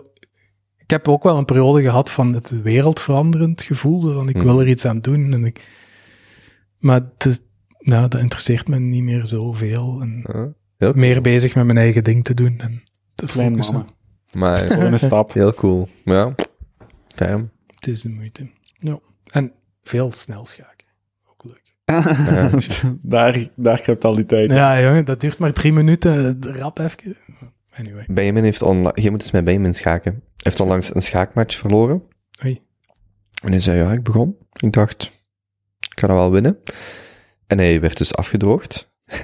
Waarop zij zei, ja, ik denk, ik, heb, ik, ik hoop dat ik het juist zeg. Zij zo, ja, mijn papa was eh Belgisch schaakkampioen. Afgelopen weekend. Hij, zo- hij zo afgedroogd. En dan zo, hm, hm, ja, zat. Pijnlijk. Ja. Ongelooflijk. Ik wist niet dat hij schaakte. Ja, moet mensen met hem spelen. Die doet dat graag. Ik ook. Maar we moeten hem, ik weet niet, die gaat hier niet naar luisteren. We moeten hem zo, gewoon zo lang mogelijk de indruk geven dat hem wint. Ja, ik ben niet super goed of zo. Maar je waart toch super goed. In mijn jeugd, ja. Jeugd. lang, lang geleden. Toen ik Ja. nog naar Facebook keek. En... Hmm, hmm. Oké. Ik heb eh, nog een verhaaltje gehoord. Ah, een verhaaltje, het is een eh, anekdote. Blijkbaar leer- leven we vandaag de dag in het eh, anthropogenic of de ant- antropogene era. Na het Miocene en die andere geo of, eh, hoe zeg je dat? Geologisch. geologische ehm, tijdperken leven we nu in het eh, antropogene tijdperk, ehm, wat dus instaat voor ehm, dat grote eh, grondmassa voornamelijk beïnvloed is door de mens, of kunstmatig bewerkt is. Voor iedere persoon op aarde wordt er vandaag de dag iedere week zijn volume, zijn biomassa-volume, ook aangemaakt in antropogene eh, materialen. Dus beton, asfalt, grind, kunststof, staal. Wacht, zeg dat nog eens? Voor iedere? Voor iedere persoon op aarde, Ja. die zijn persoonlijke volume, hè, dus de, het volume van zijn Ja. lichaam, dat volume wordt wekelijks aangemaakt in antropogene massa. Hm. Een antropogene massa is eigenlijk een massa of een materiaal dat door de mens beïnvloed is of gecreëerd. Mhm. En we zijn ehm, eh, zes maanden in het jaar eh, 2020 zijn we ook voor de eerste keer eh, is, is, is de, de hoeveelheid antropogene massa de hoeveelheid biomassa overstegen. Dus er is meer materiaal op ons aardoppervlak dat bewerkt is door de mens dan dat er nog biam, biomassa op de aardoppervlak is. En dan, en dan spreken we over planten en dieren. Ja, dat ja, hangt want, toch maar af hoe dat je de Ja. aardoppervlakte want definieert. oceanen telt je daar niet bij, Nee, bergen telt je daar niet bij. Maar wel dieren en planten. Maar die En- zijn toch niet antropogeen? Nee. En hoe nee. diep gaat Dus je? die noemen we biom- biomassa Ja. en al de rest is antropogeen. Mhm. En hoe diep is de aardkorst?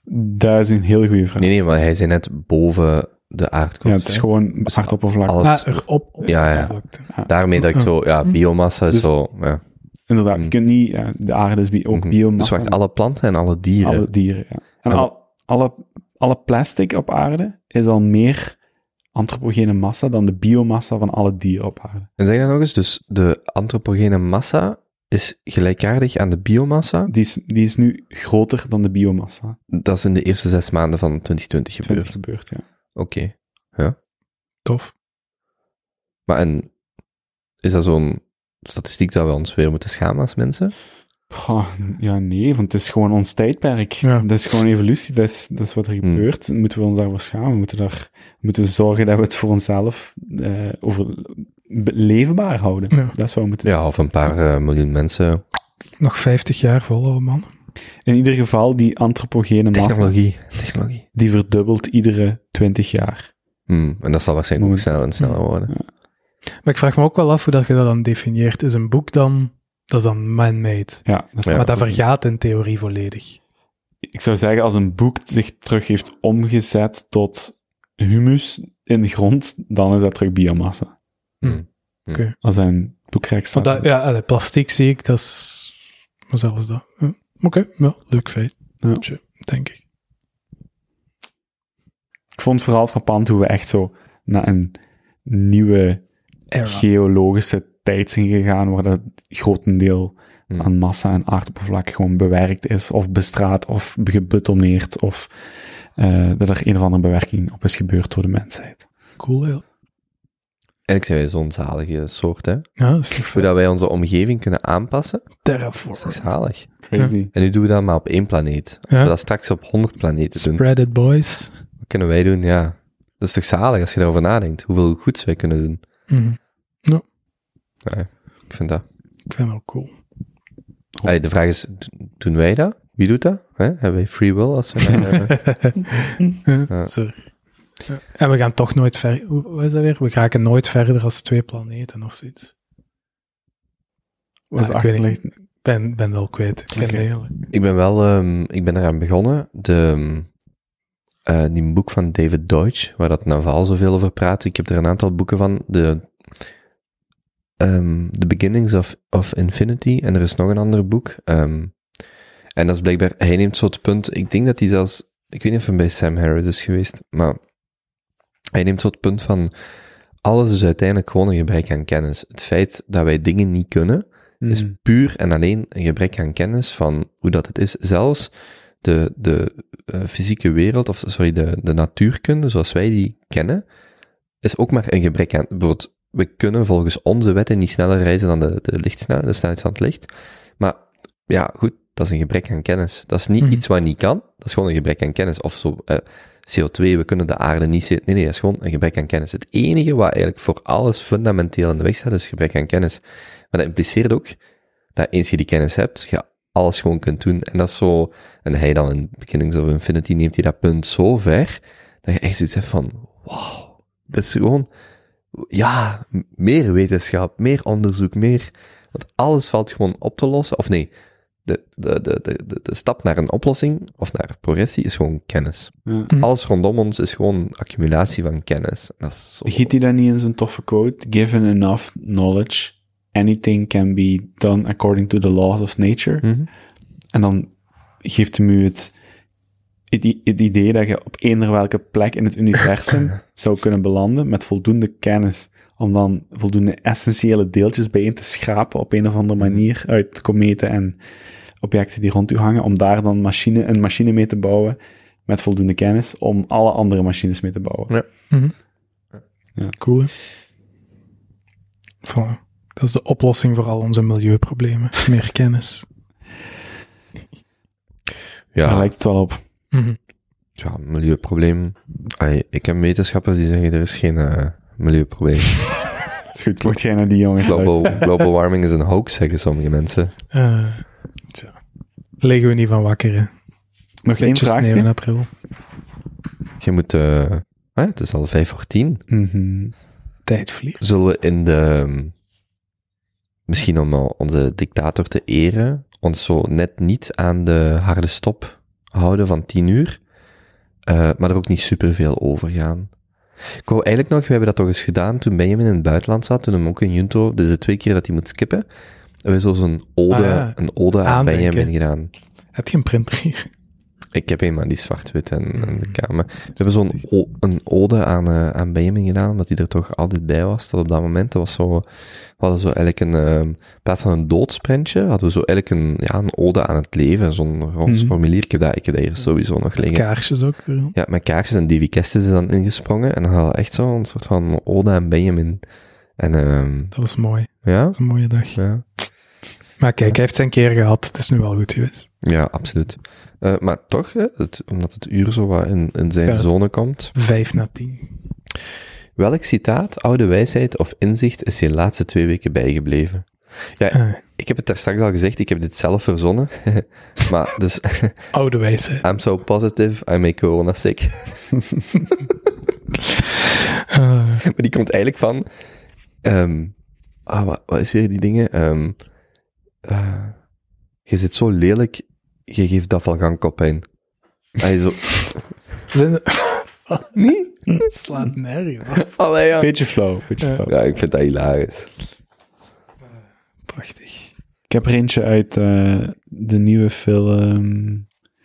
Hij is geproduceerd door productiehuis Caviar hier in Antwerpen. Ik ben nu even de titel kwijt. Ah, die, die genomineerd is voor de Ja. Oscars. Mm, The Sound of Silence? Ik ben niet zeker. Ik heb er een artikel over gelezen. Ik denk The Sound of Silence. Het gaat over een heavy metal drummer.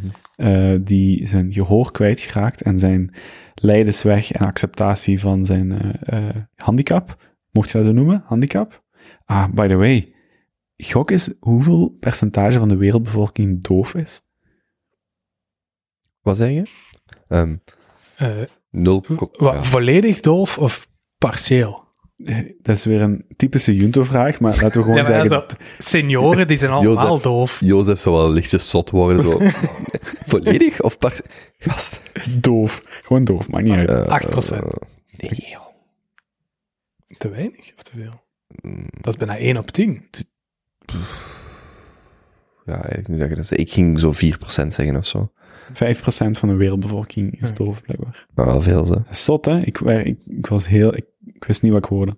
Maar Maar daar is toch heel belangrijk bij, tellen senioren mee of niet? Ah, wel ja, en, of doof geboren. want als je een Ja. hoorsteun hebt, zit je Mm. dan technisch doof, want je hebt een steun nodig? Of zit je dan net niet doof, want je hebt die steun? Mm. Is iedereen met een gehoorapparaat doof? In ieder geval, heel toffe film, heel sterk neergezet door die acteur. Ehm, Waar? en gefilmd in Antwerpen. Je kunt eh Frankrijk zien, je kunt meerdere plekken in Antwerpen herkennen. Heel Hm. tof. Ze doen alsof het Parijs is, maar het is gefilmd in Antwerpen. En Ah, zalig. Gebaseerd op waar gebeurt of gewoon fictie? Komt er allemaal extreem realistisch over en hij, hij acteert ook heel, heel real. Het is, het, is niet, het, is niet, het is niet Amerikaans. Je ziet dat het door een Europees huis is geproduceerd. Ja. Ehm, en het gaat dus over een kerel die best wel wat troubles heeft. En op een bepaald moment is hij aan het spreken met zijn eh, mentor, die hem telefonisch ehm er bovenop probeert te helpen, nadat hem dan te weten is gekomen dat hem zijn gehoor permanent verloren is. Eh, en zijn mentor zegt tegen hem, ehm, Serenity is what we get when we quit hoping for a better past. Dat vond ik een goeie. For a Oh, better past? Serenity is what we get when we quit hoping for a better past. Oké. Krijg jij meer stress van je verleden of je toekomst? Hmm, Dat is eigenlijk een goede vraag. dat is inderdaad een goede vraag. Nee, zie je het over iets. Dat is eigenlijk echt een goede vraag. Ik heb nooit gedacht. Ik trek me niet veel aan van het verleden. Maar... Ik zou... Of, of wilt jij eerst antwoorden? Ja, ik heb de ambitie om in het nu te leven, maar ik struggle met beide. Zowel het verleden als de toekomst. Maar het is mijn ambitie om vooral in het nu te leven. Dat is ook mooi. Ik vind dat te moeilijk. maar ik, heb meer, ik zou meer stress krijgen van hoe dat mijn toekomst door mijn verleden gedefinieerd wordt. En in, in een bepaalde mate is dat altijd zo. Hè? Je kunt maar morgen de vruchten plukken van wat je vandaag of gisteren gedaan hebt. Of ik ga morgen opstaan met blond haar, blauwe ogen of met bepaalde verplichtingen omdat ik die gisteren gemaakt heb. Maar de mate waarin dat, dat verleden uw toekomst determineert, ik denk dat dat bij mij meer de focus is van wat pak ik mee van het verleden naar de toekomst. Doorheen het heden, want ik begrijp ook wel uw punt, hè, dat je nog de toekomst, nog het verleden u mag verlammen. Want er is alleen maar het heden, er, toekomst en verleden bestaat niet. Mhm. Dat, is, dat, dat kun je niet naartoe, daar kun je niet terug naartoe of daarheen. Dus dat je je daar niet in verliest. Maar wel dat dan misschien dat verleden, dat heden niet ehm vertroebelt. En daardoor dat heden de toekomst ook niet vertroebelt. Hm. Eh, Cool. Het is niet omdat ik gisteren eh, X was, dat ik vandaag daar niet iets aan kan doen, zodat morgen Y-situatie ontstaat. Ja, dat je geen free will, dus. Full circle. Nee, maar ik vind wel, ik was, als ik zo, er zijn zo twee nummers, als ik aan het springen ben en ik wil zo nog even zo'n paar minuten doordoen. Als ik vijf minuten wil doordoen, dan zet ik Lose Yourself van Eminem op. Dat is echt zo, ja, dat komt op. En die Ja. eerste 40, Ja, die 50 eerste seconden is echt zo gewoon mm, zo rustig. Maar dan begint die er echt, en dan, echt, dan, dan kan ik echt zo, jongen, er hebben echt al mensen naar mij staan kijken van, wat een zot is daarvan. Dat is echt zo, ja, ik vind dat zo, zo waardevol. Maar er is ook een stukje dat die Akira the Dawn van een stukje van Jordan Peterson heeft gedaan. En daar legt hij eigenlijk zo'n idee van Nietzsche uit. En ik vind dat super interessant. En die heeft daar dan een heel leuk nummertje, More Important Than You Think, van gemaakt. En dan zegt hij ook zo van, ehm, van alles wat je doet, elke beslissing die je maakt, maar ook elke daad of actie die je stelt, heeft niet enkel impact op u, maar ook op, op uw omgeving. Jij die kiest om 10% beter te zijn, straalt af op je allee, of slechter, straalt af op je omgeving. En in die zin, zijt je niet gewoon een individu dat leeft, maar je bent verbonden met die duizend mensen die je in je leven tegenkomt, en die zijn verbonden met die duizend mensen, en dat heeft een impact. En het feit dat de keuzes die jij maakt, of het gebrek aan keuzes dat je maakt, of de, de acties die je onderneemt, of die je niet onderneemt, straalt af op anderen, en dat zet mij in ieder geval heel hard zo in mijn kracht van, probeer toch altijd zo iets van uw dag te maken, zodat dat toch, hoe dan ook, straalt dat af op andere mensen. En zelfs de afwezigheid van negativiteit, dat is zo, dat, ik vind dat nog altijd een van de hardste uitspraken, zo van, de beste manier om arme mensen te helpen is door zelf niet arm te zijn, maar je kunt dat door alles vervangen, zo. De beste manier om depressieve mensen te helpen is door zelf niet depressief te zijn, door rokers te helpen door zelf niet te roken, enzovoort en zo verder. Wat eigenlijk heel bruut is, maar ergens vind ik dat ook heel correct van, door zelf in een iets betere situatie te komen, te geraken, te, of dat nu een privilege is of niet, of je hebt daarvoor gezorgd, of hoe dan ook, kun je anderen vanuit sterkte, kun je anderen helpen. Je zet eerst zelf je mond, je zuurstofmasker in een vliegtuig op voordat je iemand anders helpt. Zorg eerst voor jezelf. Zo dat idee, zo, vind ik Mm. zo sterk, zo van, doe toch nog dat één ding. Dat kan de afwezigheid van iets negatiefs zijn, of iets positiefs, vul dat voor jezelf in. En dat is ook zo'n stukje zo van twee of drie of vier minuten of zo, dat ik echt denk van, ik vind dat zo cool. En dan ja, Hm. en heeft daar dan zo'n nummertje van, dat ik echt denk van, ja, daar heb ik s'morgens, als ik zo, ik zet dat soms echt op, zo van, dat ik voel van, nou, vandaag, ik heb er geen goesting in. Dan zeg ik dat op en dan denk ik, juist, het is, het is, dit- straalt af. Op wie, op wat, dat weet ik niet, maar je, je doet iets. En ik vind dat, Ja, dat is wel mooi verwoord, ja. ja, leuk absoluut. En dat Absoluut. komt van Jordan Peterson. Ja, ik denk dat Jordan dat bij Joe Rogan heeft gezegd, en die Akira knipt dan zo'n stukjes Ja, uit de die podcast. knipt aan elkaar. Ja, die En, allee, ik kan niet, ehm, ja, ik zat in de show notes, more important than you think. En dat is echt, eh, ja, de- want er is eigenlijk zo'n stukje van drie minuten en dan gaat het zo nog ergens over zo, eh, dan de vorige eeuw en zo, maar dat stukje had hem er beter uitgeknipt, want dat heeft daar eigenlijk niks mee te maken, of minder. Maar dat stukje van die eerste drie, vier minuten zijn echt, ehm, ja, vind ik heel mooi. Cool. Het is goed eigenlijk om als wekker te zetten, zo. Ja, ja, dat is al wel mooi om mee wakker te worden. Ik ging eigenlijk zeggen, voor mij is het makkelijk om met geluk naar het verleden te kijken. Daar heb ik helemaal geen last van. Maar totdat jij dat zei van in het heden leven, daar heb ik wel niet zo. Ik leef heel veel in de toekomst. Van zodra je dat zei, besefte ik dat pas eigenlijk. Dat ik heel veel bezig ben met uitzoeken en plannen en vooruitkijken. Maar dat is ook gevaarlijk, hè, want de toekomst Ja, ja. Bestaat niet, hè. die komt nooit, hè. Die Nee, en ook, en ik weet wel zo, omdat bijvoorbeeld ik iemand ben dat heel veel piekert over dingen, hè, over de toekomst.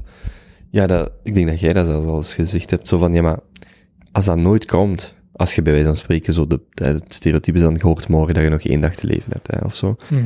Ja, dan heb je al die zorgen gemaakt, maar voor wat? Of je hebt al die plannen, hè, want het, hoeft, het is niet louter zowel positief als negatief. Maar je hebt dan al die ideeën in je hoofd die er gewoon nooit gaan gebeuren. En al die tijd die je gespendeerd hebt aan die plannen te maken, had je gewoon kunnen aanwezig zijn op dat moment of leven op dat moment. Zie je niet, hè. Ja, ja, of meer. En ik weet dat jij, zeg jij dat niet van, ik denk voor je op reis vertrok, van de uitdaging gaat zijn om, wanneer ik bijvoorbeeld ergens ben, te genieten van dat moment en niet bezig te zijn met morgen ga ik in dat hotel Ja. of plek zijn of volgende week, want ik heb dat zo gepland.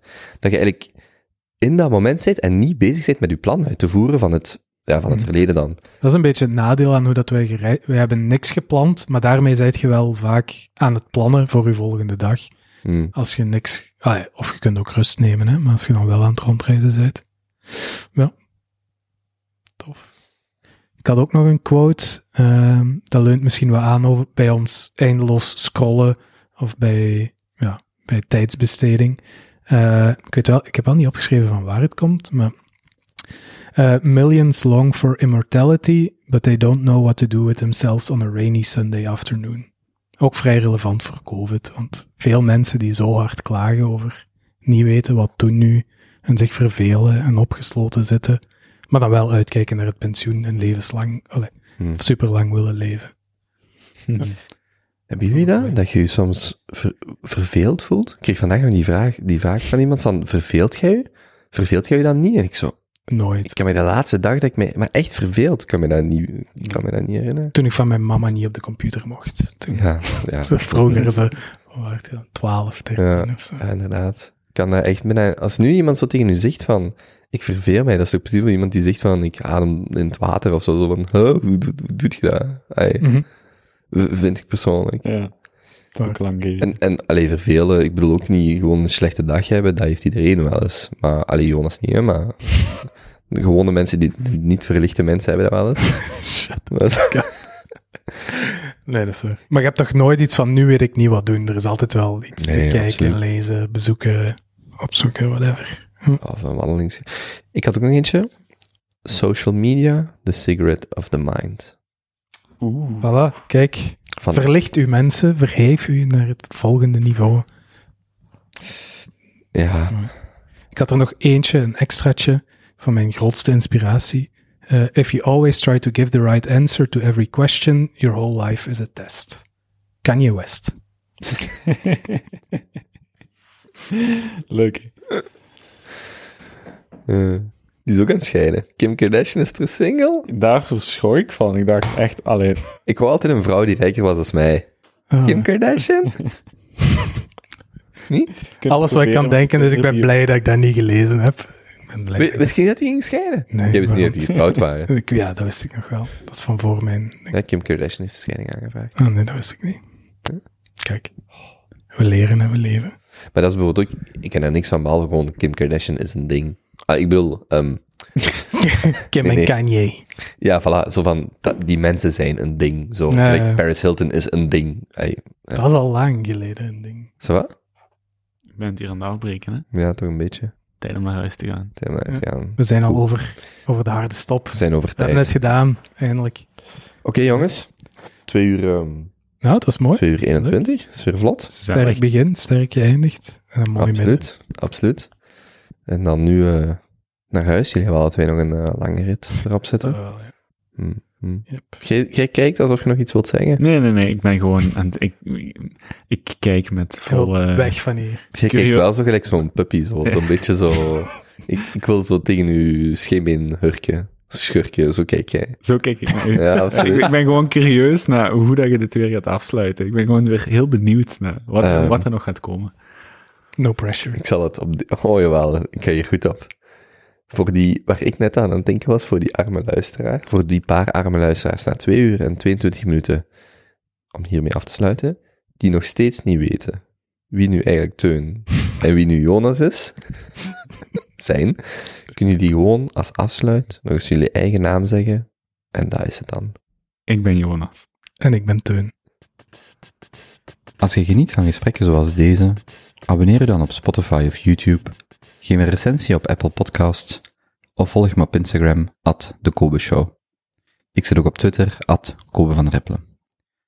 Een podcast zoals deze luister ik aan gratis, maar het maken is dat helaas niet. Als je waarde in deze gesprekken vindt, overweeg dan om bij te dragen via kobe.show steun. Zoals altijd, dank om te luisteren en tot gauw.